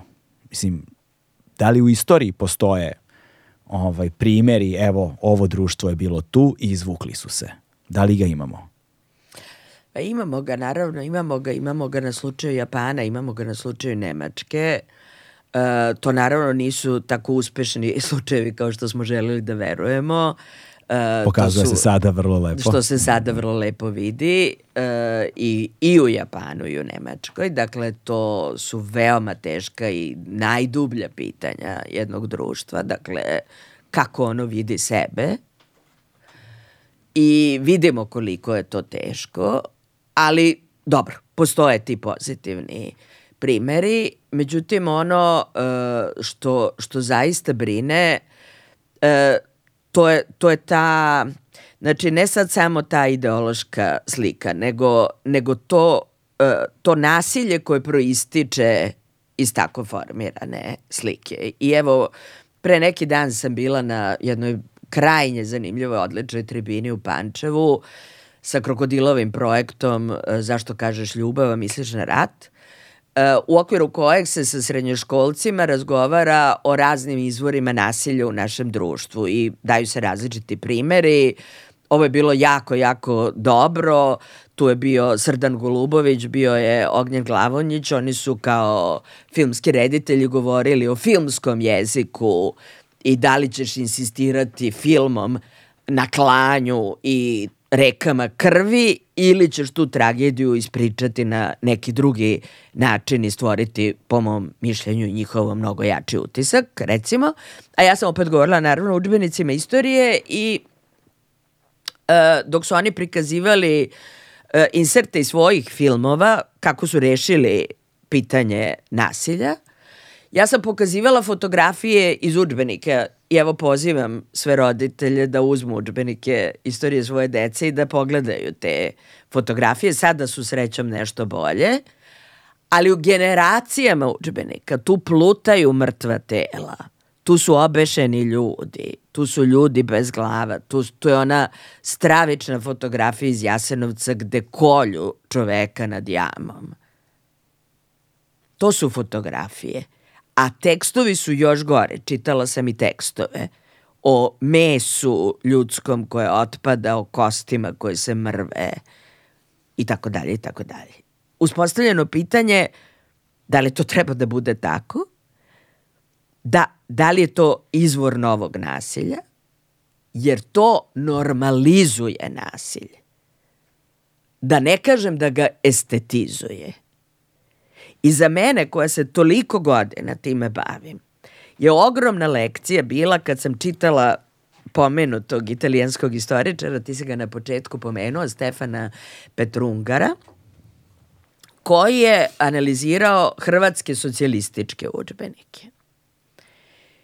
I kao italijan je bio u šoku od tog nasilja u socijalističkim učbenicima nasilja koje mi uopšte nismo primetili. Nisam ga ni ja primetila, jer smo u tome odrasli. Od epske poezije pa nadalje mi smo odrasli u tome da je nasilje uobičajeno i sasvim normalno. Drugim rečima da je to način na koji se rešavaju problemi. I tek me je taj italijanski istoričar onako probudio, rekao čekaj, čekaj, pogledaj fotografije, pogledaj taj jezik, pogledaj šta se citira kad se citira istorijski izvor, to, to je lije krv. I to je jedan od dodatnih problema, to je ta, moram na kraju da kažem, promocija nasilja kroz njegovu normalizaciju gde vi oguglate potpuno i vi više i ne vidite razliku ni granicu između onoga što jeste i što nije nasilje. Ono što bih ja dodao u, u ovome što ti sada pomenula je samo napomena, kao samo, samo, samo kao ovaj, da podsjetimo ljude da ovde nije zapravo razgovor o tome da je ovo sad bilo negativno, a da narativ treba se pretvori u pozitivan, afirmativan, kakav god, nego da samo treba se pretvori u naučni. Samo treba da se pretvori u naučni i da taj jezik treba da bude naučni, kako smo mi tamo na fakultetu nazivali denotativan, dakle da ne bude konotativan vrlo, jer u jeziku se zapravo sve krije. Naučni jezik se za razliku od umetničkog jezika odlikuje tom denotativnošću. Dakle, da je ta reč u svojoj prirodi transparentna, samo strelica koja ukazuje na zaključak koji je dokazano, empirijski dokazan. Ovaj, I da ta, ta, samo ta promena, nije samo, ali samo ta promena ovaj, može da donese ogromnu razliku u budućim generacijama koje odrastaju.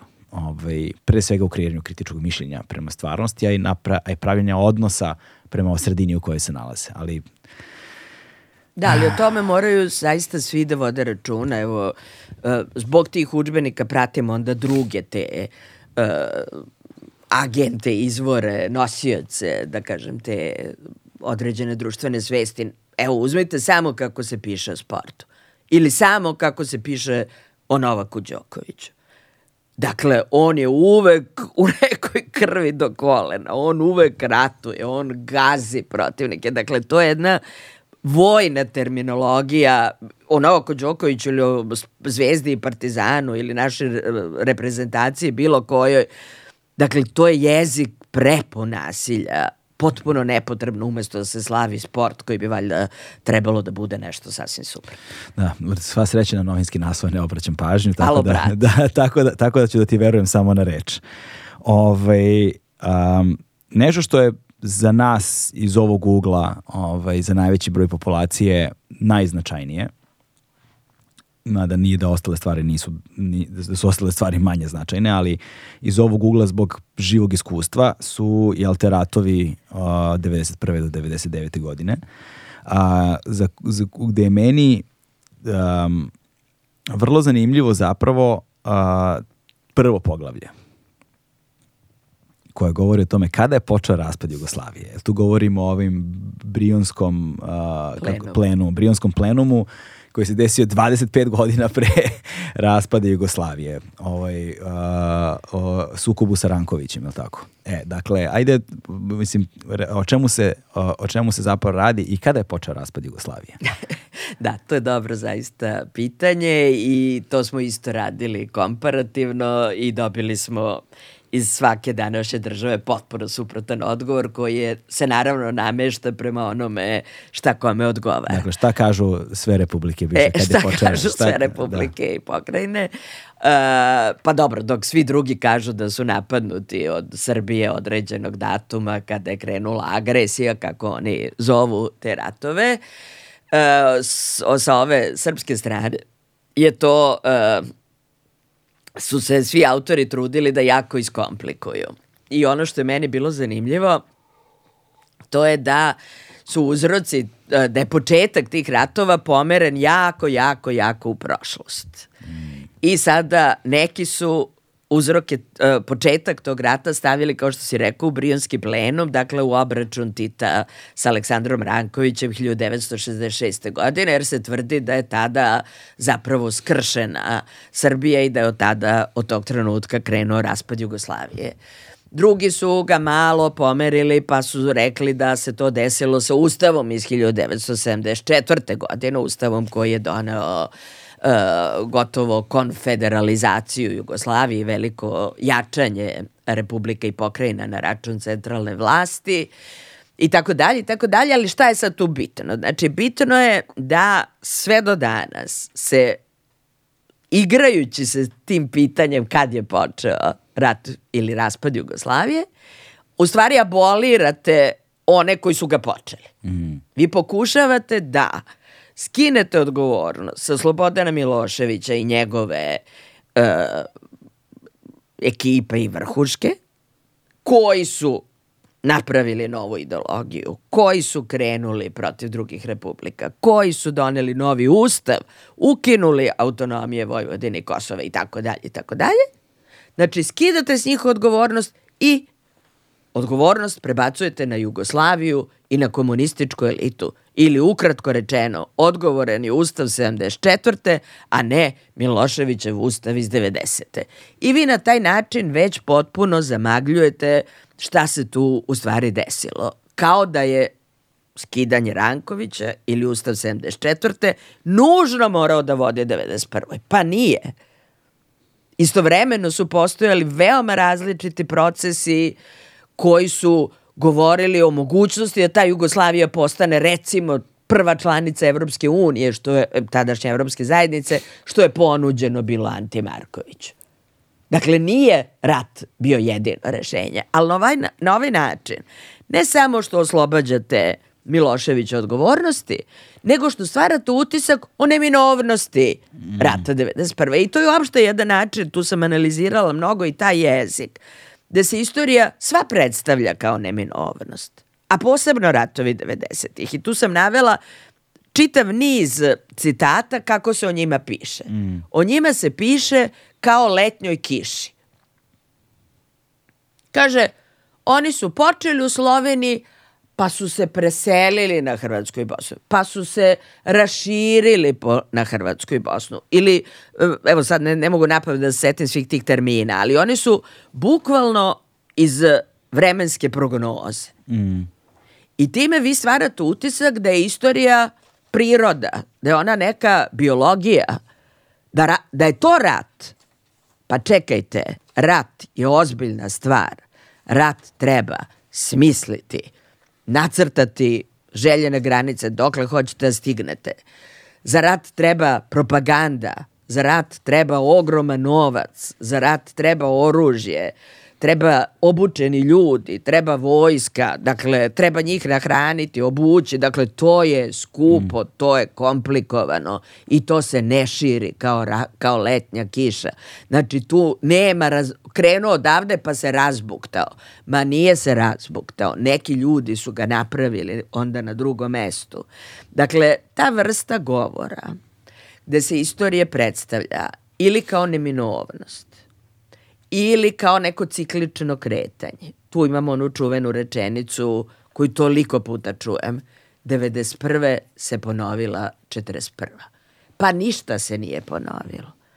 Dakle, nema Hitlera, nema porobljene Evrope, nema napada na Jugoslaviju, nema podele Jugoslavije među napadačima, nema ničeg od tog konteksta.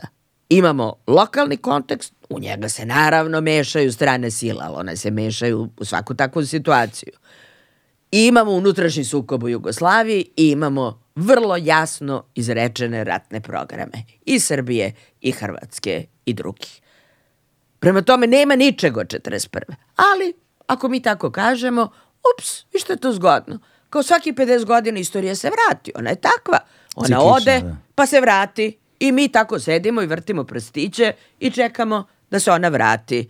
A vidi ruke, vidi ruke, što bi rekao onaj vic.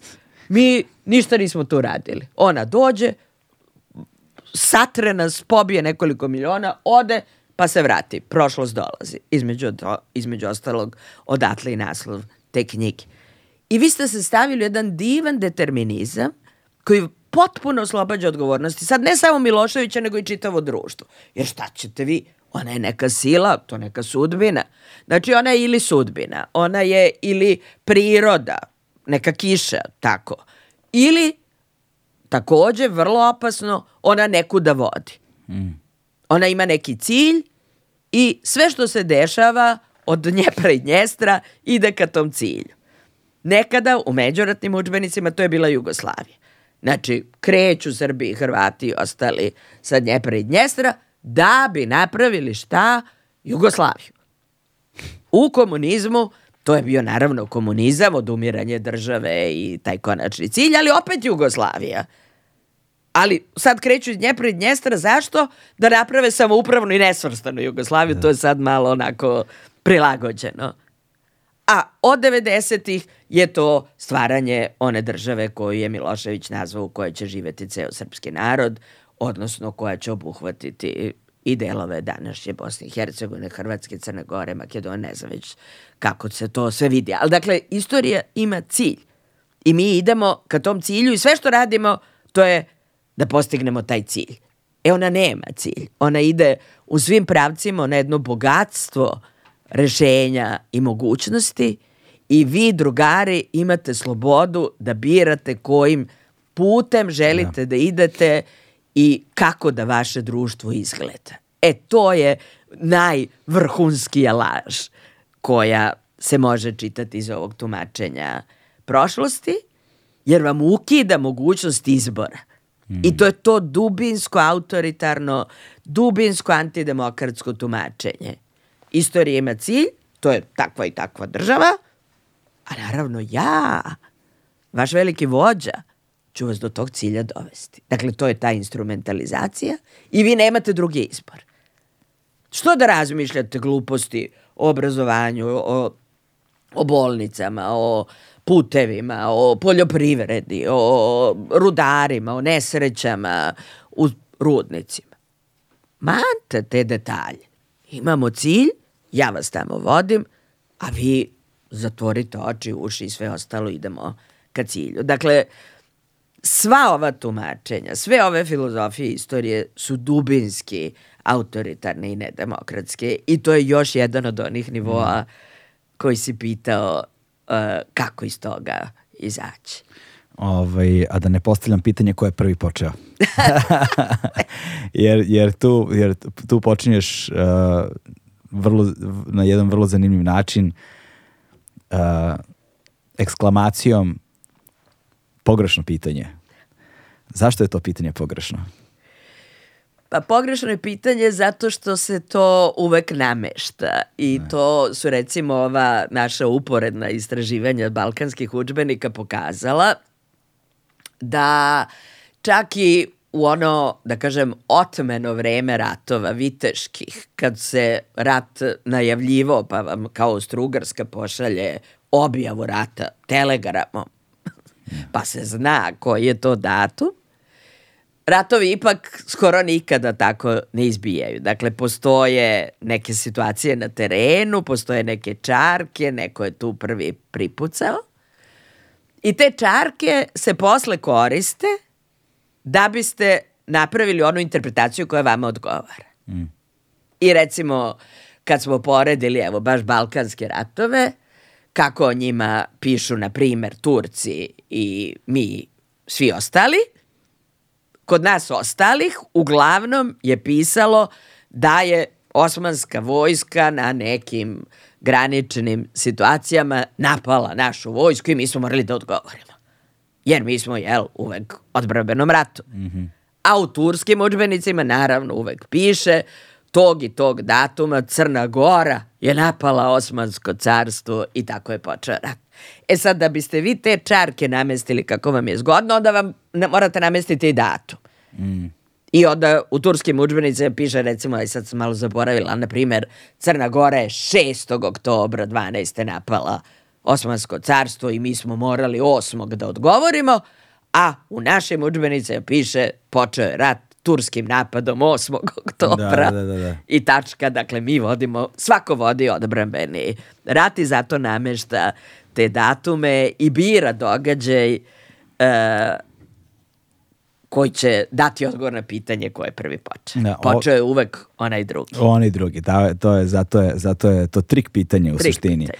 Ovaj, a, ovde sada postoji puno prostora da se govori dakle šta se desilo u Bosni i Hercegovini, kako se rat odvijao, pitanje Kosova, rat kao to, ovo što, smo, što si malo promenula, rat kao večno vraćanje istog, jel te, i to kao rat kao prirodna projava koje, što si već pominjala, ali, ali ovde nam je dobro mesto zapravo da se sad vratimo na ono što smo pomenjali, a to je da govorimo o ovim fenomenima koji su kreirani. Dakle, posebno su važni od 93. na ovamo. Dakle, to su pobede i porazi, o kojima smo govorili dosta, ali nešto o čemu nismo, nešto što smo dotakli malo su heroji i žrtve i nešto što smo, ča, mislim, mislim, samo jednom dotakli, a to je kada se napravila ta promena a, a, a, nakon Miloševićevog vremena, dakle, nakon 2000. to su prijatelji i neprijatelji. Dakle, taj, taj, taj način na koji su posmatrani altečetnici, partizani i tako dalje. Dakle, e, sada, šta je, šta je najznačajnije da ljudi razumeju, dakle, mislim da je negde iz konteksta već jasno kako se govore o porazama i pobedima, kako se kreiraju ti narativi, ali ajde da pričamo o herojima i žrtvama, to smo negde dotakli ovaj, posebno kada smo govorili o, o, o ovaj, Aleida Asman, ili tako? Aleidi Asman i tom nedostatku empatije. Ovaj, a malo smo se dotakli, jel ti, tog istorijskog revizionizma, da ne, do neprijatelji su sada veliki heroji, a do jučerašnji ne, ne, prijatelji su veliki neprijatelji. Pa, ali hajde nekako da sistematizujemo to. E, da, e, u odgovoru na neko prethodno pitanje e, govorila sam o tome da nisam imala dobar odgovor na pitanje zašto je tako snažna identifikacija sa Kosovskom bitkom kao porazom. I onda sam prešla na Leidu Asman, ali e, nisam rekla nešto što je, evo sada, važno upravo da bismo sistematizovali. Dakle, važno je za naše gledaoce da razumeju i slušaoce da razumeju da su za nacionalističku ideologiju daleko važnije porazi i žrtve nego pobede i heroji. I to je a, nešto čime se već dugo bavi a, teorija kulture sećanja i što je ona dokazala. Iz više razloga, ali osnovni razlog je da sa poraženim, a posebno sa žrtvama, se lakše identifikujete, i lakše, ono što je ključno za nacionalizam, homogenizujete naciju.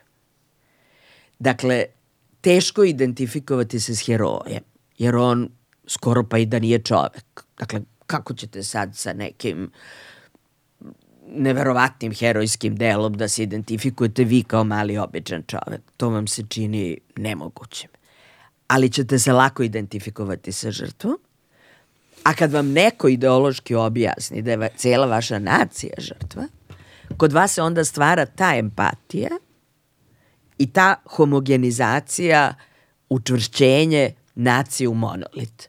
Dakle, vi, kad ste žrtva, vi ne smete više postaviti pitanje.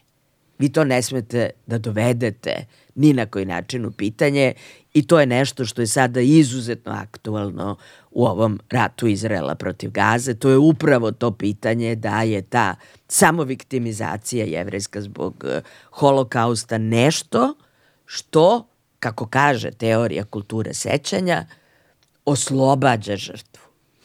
Za žrtvu više nema pravila i nema prepreka. Žrtvi je sve dozvoljeno jer je žrtva. I to je jedna izuzetno, izuzetno opasna situacija. Ali ona je pre svega autoritarna kad govorimo o, o našim deficitima demokratije. Dakle, onog trenutka kad ste vi homogenizovali naciju na pitanju žrtve, vi više sprečavate mogućnost demokratije jer sprečavate uopšte mogućnost postavljanja pitanja. Mm. I zato je žrtva taj glavni heroj nacionalizma. I to je onda način, o čemu smo već malo pre govorili, to je onda način da usadite strah u društvo, taj strah parališe, uplašeno društvo takođe ne vidi budućnost, a ja stvarno mislim da je to ključni problem u Srbiji. Tu se više ne vidi budućnost. Između ostalog ne vidi se i zbog tog strašnog straha od svih oko nas. I sad mogu da pređem delimično i na ovo poglavlje prijatelji ili neprijatelji. Ono je za mene bilo ogromno iznenađenje u negativnom smislu. Jer sam isto analizirala to 913. Po da, po, do danas. Znači, vi vidite jednu naciju, srpsku, od 913. Pobedničku, optimističku, okrenutu budućnosti, u kojoj se umnožavaju prijatelji. Dakle, to su prvo saveznici iz Balkanskih ratova, to su onda svi jugoslovenski narodi, to su onda u vreme Prvog svetskog rata i posle Prvog svetskog rata saveznici, sile pobednice, Francuska, Velika Britanija, Sjedinjene države, Italija, Japan. Mi smo u toj ekipi. Mi smo, tako reći, na konferenciji mira, dobro, nismo baš tamo da se odlučuje, ali tamo smo. Znači, umnožavaju se prijatelji. Onda imamo drugi svetski rat. Znači, ostaju svi ovi prijatelji koji smo da. već imali, ali sad sam upravna nesvrstana Jugoslavija prelazi u ofanzivu na čitav svet. Dakle, mi sad postajemo nesvrstani. Uh, takozvani treći svet, to su sve sada naši prijatelji. Mi smo zemlja vođa trećeg sveta. Crveni pasošem možeš svuda da ideš. Jedna napomena samo ovde, pošto postoji kolokvijalno razumevanje trećeg sveta i ono što je zapravo treći svet. Da. Dakle, e, ono što je zapravo treći svet, to je prvi svet kapitalizma, drugi svet socijalizma i treći svet svet e, koji se oslobodio svojih e, kolonije metropola i koji sada pravi svoj put. I koji ne pripada tim binarnim pozicijama tadašnjeg hladnog rata. Nikako. Nikako, dakle, dakle to je treći svet. to je treći, treći svet. svet ne to nije znači... loše, to nije siromašno. Tako je, to nije beda. To, to nije da. beda, to nisu oni koji se kolju, ne, to je jedna geopolitička Tako. podela hladnog. Samo sam to hteo da napomenem. Da, da, dobro, da, si da, rekao, da. dobro si rekao, ali mi to s ponosom ističemo. Da. Mi smo vođa trećeg sveta, dakle ceo svet je naš. Mm. Pa ja sam dete nesvrstanih. Eto. Mislim, o čemu pričamo. Ne o čemu bi, ne, ne bi me bilo, A ja da. sam dete koje sa školom mahalo u Kneza Miloša svim predsednicima koji su dolazili, svi su smatrali da moraju da dođu prvo u Beograd od američkih do sovjetskih i svi drugih. Svi su, mm. Ja sam svima mahala. Dakle, ja sam to kao dete građanin sveta, kako se to tad govorilo. I onda gledate taj oštri rež u tim prvim učbenicima iz 90-ih, gde počinju svi da otpadaju. Dakle, otpali su jugoslovenski narodi, otpao je ceo dotadašnji saveznički svet, jer oni su sada protiv protiv Srbije, tu su sankcije, tu se sad optužuje Nemačka za novi Drangana Hosten, tu je Vatikan, tu je CIA, dakle tu već ulazimo potpuno u taj govor teorije zavere i paranoje. Tu nema ni Rusije, ni one, svi su neprijatelji. I pratimo to do ovih poslednjih generacija udžbenika iz 2021 gde su nekim od njih, ne u svim ima odličnih, otpali poslednji crnogorci. Mm. Dakle, pošto su to udžbenici pisani u vreme litija, tu su sad čak i crnogorci otpali i tu se opisuje kao loš položaj Srba u Crnoj Gori, izbacuju ih s posla, nemaju pravo da pišu ćirilicom, plaše se da izgovore svoju nacionalnu pripadnost i tako dalje. I sad vi vidite u, kad se to uporedi sa identifikovanjem sa porazima, kad se sa identifikovanjem sa žrtvama i gde se na kraju vi potpuno sami, odnosno tako predstavljate i ne vidi se svi, ne samo što ste vi sami, nego što svi protiv vas. Vi vidite nešto što evo sada u govornom jeziku, to nisam mogla da napišem, ali u govoru mogu da kažem što je bolesno. Vi vidite jednu samoizolaciju, jednu potpuni etnocentrizam gde samo svoj pupak kopate. Da. I tu više nema nikog. I to je taj na kraju strašniji zaključak šta se ovde sve desilo. I to su isključivo posledice nacionalizma koji je sada u svojoj nekoj gangrenoznoj fazi. Da, i da, najveći problem je zapravo, mislim najveći problem, sve ovo što, što kroz, kroz šta si prošla do sada je toliko poražavajuće, ovaj, da je veoma teško, znaš, da li se negde zapravo da li ima neka pukotina kroz koju se vidi nekako ne, nešto svetlo. Jer a, postoji zvanična politika koja se vodi i postoji ono što viđamo od tribina do svakodnevno na ulicama, dakle nešto što je ušlo na zidovima po gradu, znaš, gde god da se okrenaš oko sebe vidiš prisustvo Znaš, ne mogu to više nazovem ni popularnom kulturom, nego, ali i u popularnoj kulturi, jel te, u svemu, u svim porama društva, vidiš po načinu na koji se oblače, vidiš po na dinamici odnosa u školama dece, vidiš da je to nešto što je toliko prihvaćeno zdravo za gotovo, toliko uzidano u, u konstituciju tih ljudi, da to ne samo da se ne dovodi u pitanje, nego da je to toliko monolitno i toliko ukorenjeno i toliko čvrsto da zapravo se bilo kakav pokušaj da se dovede u pitanje dovodi, od, od, ovaj, doživlja kao napad na integritet. I kao da ako se to raspadne, zapravo prestajemo da postojimo. Da je to razlog zašto smo tu gde smo, zašto postojimo. Znaš, i da je to jedina stvar koja nas čuva u životu. Što je nevero, mislim, kako se protiv tako nečega ide. Kao što je profesor Vuječić lepo rekao u jednom trenutku, kaže, birači su postali navijači I ti sada ne možeš da ubediš onoga ko navija da promeni klub. To više nije racionalno glasanje. Znači, I da mi imamo problem da šaljemo poruku koja pitanje je kako se doživljava, kako pada i da li će se uopšte doživeti. Da li se krećemo samo u incestoidnim krugovima da se obraćamo samo sobstvenim istomišljenicima ili dolazi do nekoga ko je spreman da dovedu pitanje ili promisli barem o stvarima u koje veruje. Znaš, i to je dosta poražavajuće. Ali onda s druge strane, otputuješ. Znaš, prođeš i vidiš običan svet. Vidiš pristojne ljude, dobre ljude, ljude koji imaju iste probleme koje i ti imaš da god da se nalaziš, koji razmišljaju na vrlo sličan način ovaj, i koji žele praktično slične stvari kao, kao, kao i bilo ko od nas. I vidiš da ta politika i da ti odnosi nisu zapravo ušli u sve pore društva. Znaš. I čini mi se negde, barem kad govorimo o javnom prostoru, da se pristojan svet u stvari samo povukao i ne želi da učestvuje. Ali da sličemo utisak da ih nema, jer im se niko ne obraća. E to je, mislim, da, da, je, da je negde možda žarište neko u kojem ukoliko postoji način da se dopre do njih i da im se stavi do znanja, ej, kao, niste sami. Ima nas.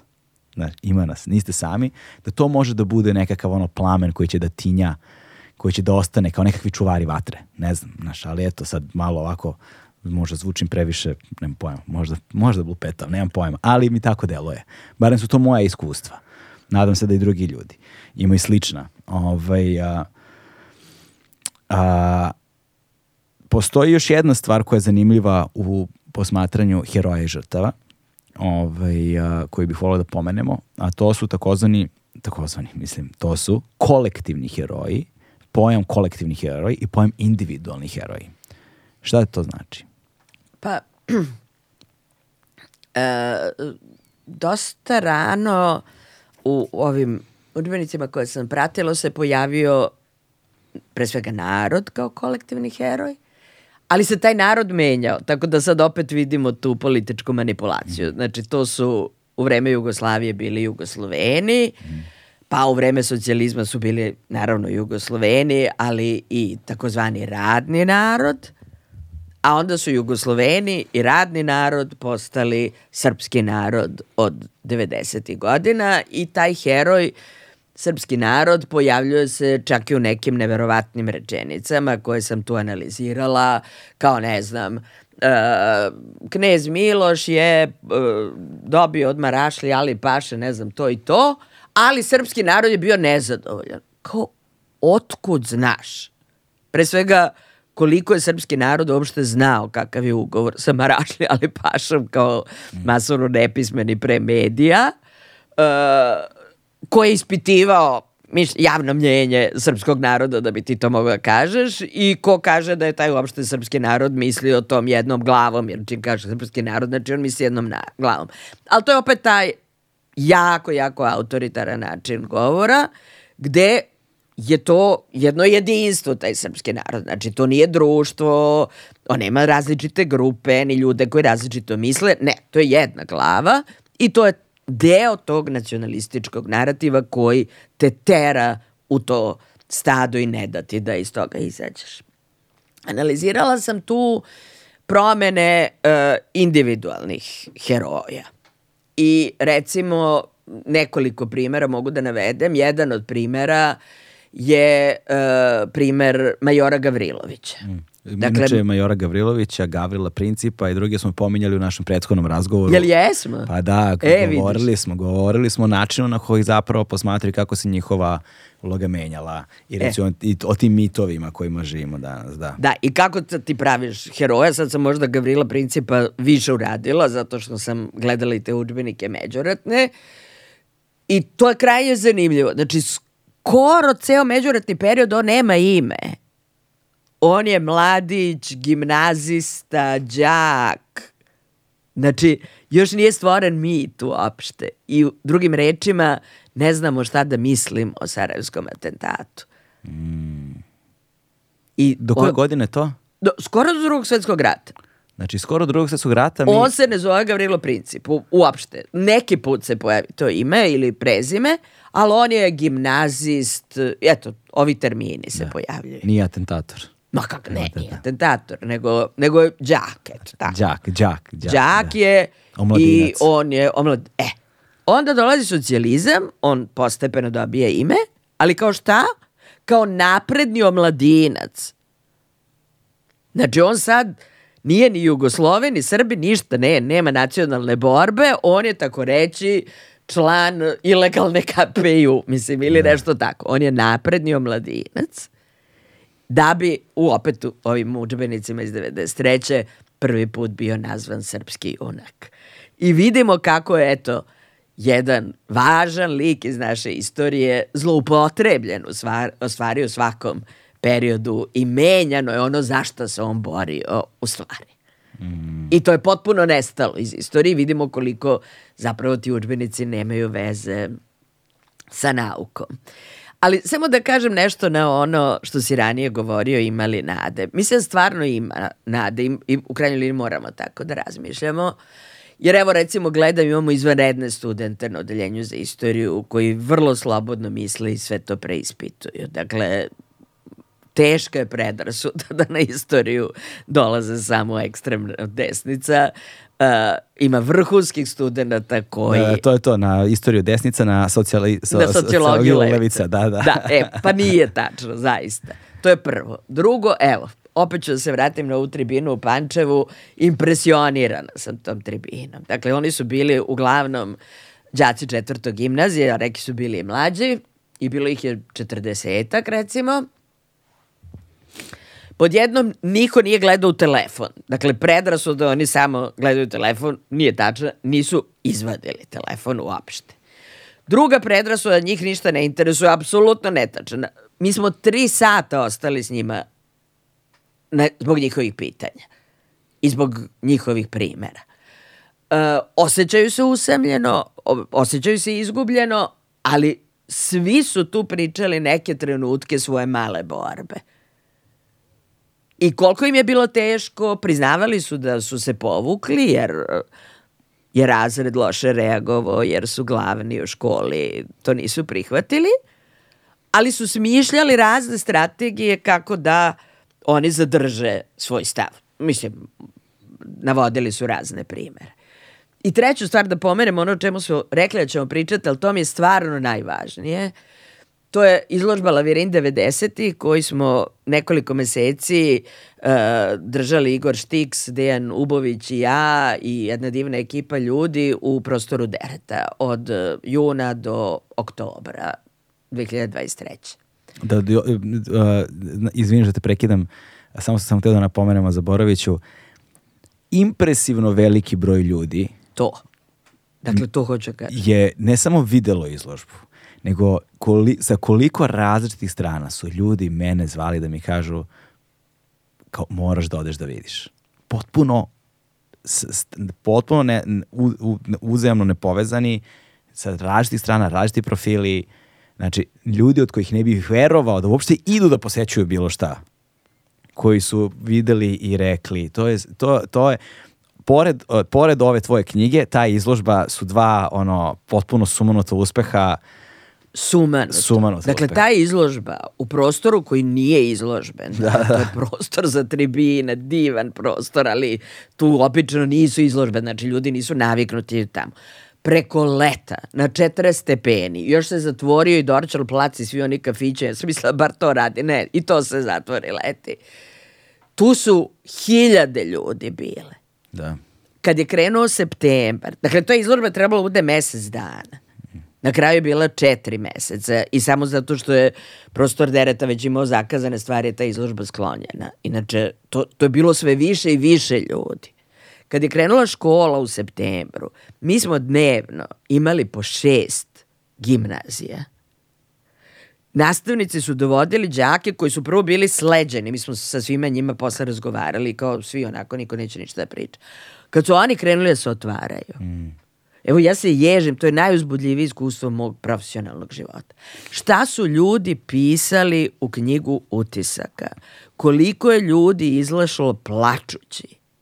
Koliko je ljudi izašlo da nisu mogli videti celu izložbu koja pritom uopšte nije potresna? Da. Tu gotovo da nema zločina uopšte, ali ima mnogo pitanja, ima mnogo konteksta i mnogo podsticaja za razmišljanje kako smo dotle stigli mi smo bili zapanjeni. Evo, mi smo stvarno bili iznenađeni, dobro, naravno, izložba dobro izgleda, to je dobar dizajn, to je dobar koncept, koncept lavirinta, e, naravno, ona je dobra izložba, ali to još uvek ne znači da, da je bilo garantovano da će ona biti i tako uspešna. To je za mene nekako stvarno jedan ohrabrujući sim, simptom.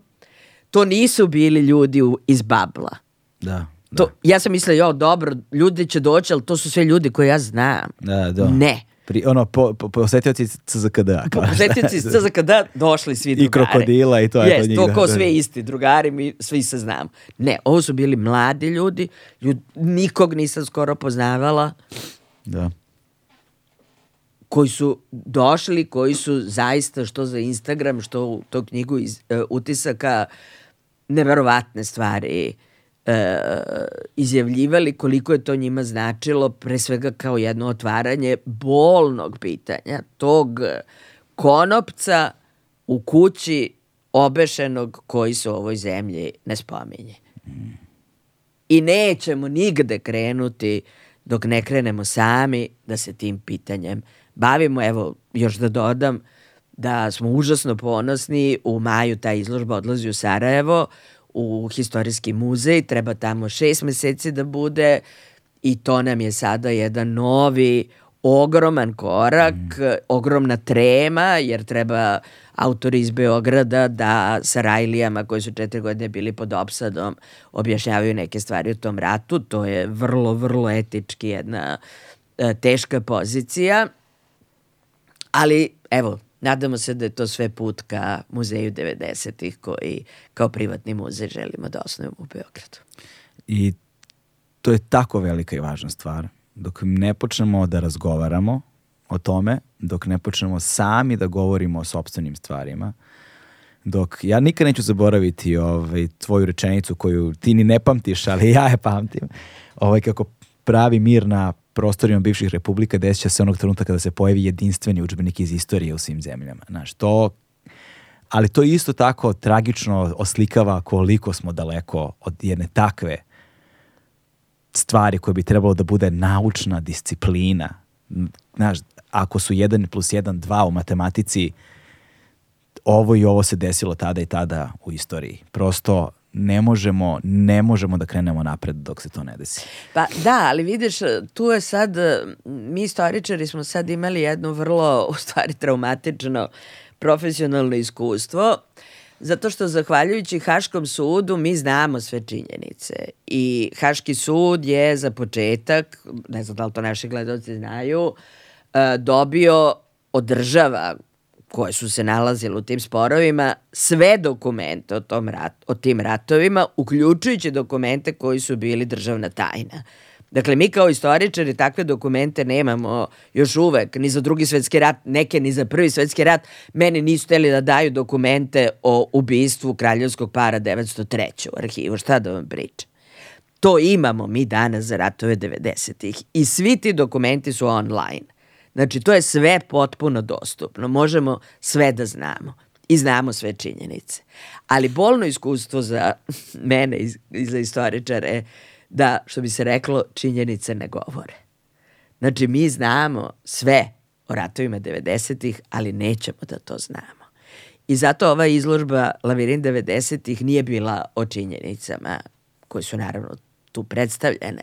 Ona je bila o emocijama. Ona je bila upravo da podstaknemo empatiju sa svim žrtvama i da postavimo neka od ključnih pitanja ljudskosti. Mm. Tako da Lavirint 90-ih od maja do novembra meseca, ali tako, tako u, Sa, u Sarajevu, ovaj, eto, prilike za sve naše drage posetio, da, posetioce, naše, sve naše drage slušaoce ovaj, iz BiH ovaj, i Sarajeva pre svega, poziv da posetite izložbu zaista, zaista izuzetna. Ovaj, I meni ostaje samo da ti se zahvalim, znaš, po ko zna koji put a, u životu ovako, ostaćeš posle još o nekim stvarima da porazgovaramo privatno. A, jer čini mi se da rad, ne čini mi se, uveren sam da radiš bez kreno značajan posao, ne samo ti, ima ovaj, tvojih kolega i koleginica koji to zaista i u svim i u BiH i u Hrvatskoj i svuda, dakle, ovaj, da ih ne, ne, ne pominjemo sada, ali pokažeš ti jednu poruku koju sam dobio jednog tvojeg kolege iz Hrvatske, ovaj, koja divno govori o nekim stvarima.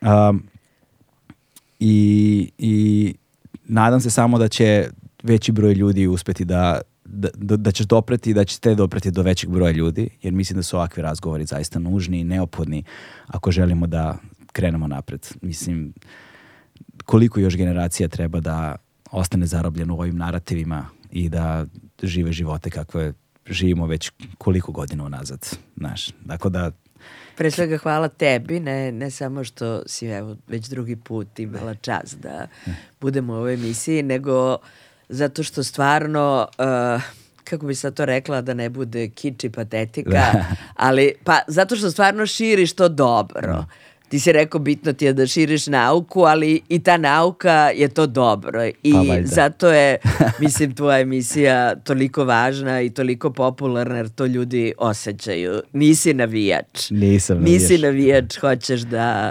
da ovom društvu i ovom u krajnjoj liniji tom narodu Evo, i, bude dobro. I da pohvalimo izdavačku kuću 20. vek. dakle, 20. vek ima odlično izdanja, čitajte 20. vek ovaj, i naravno kupite uh, knjigu koja nosi naziv Prošlost dolazi u kojoj možete saznati sve ovo o čemu smo govorili i mnogo, mnogo, mnogo više. Prošlost dolazi Dubravka Stojanović, link je u pinovanom komentaru. Kupite knjigu. Hvala ti puno. Hvala tebi, bez. Hvala ti puno. Stigli smo do kraja. Ćao.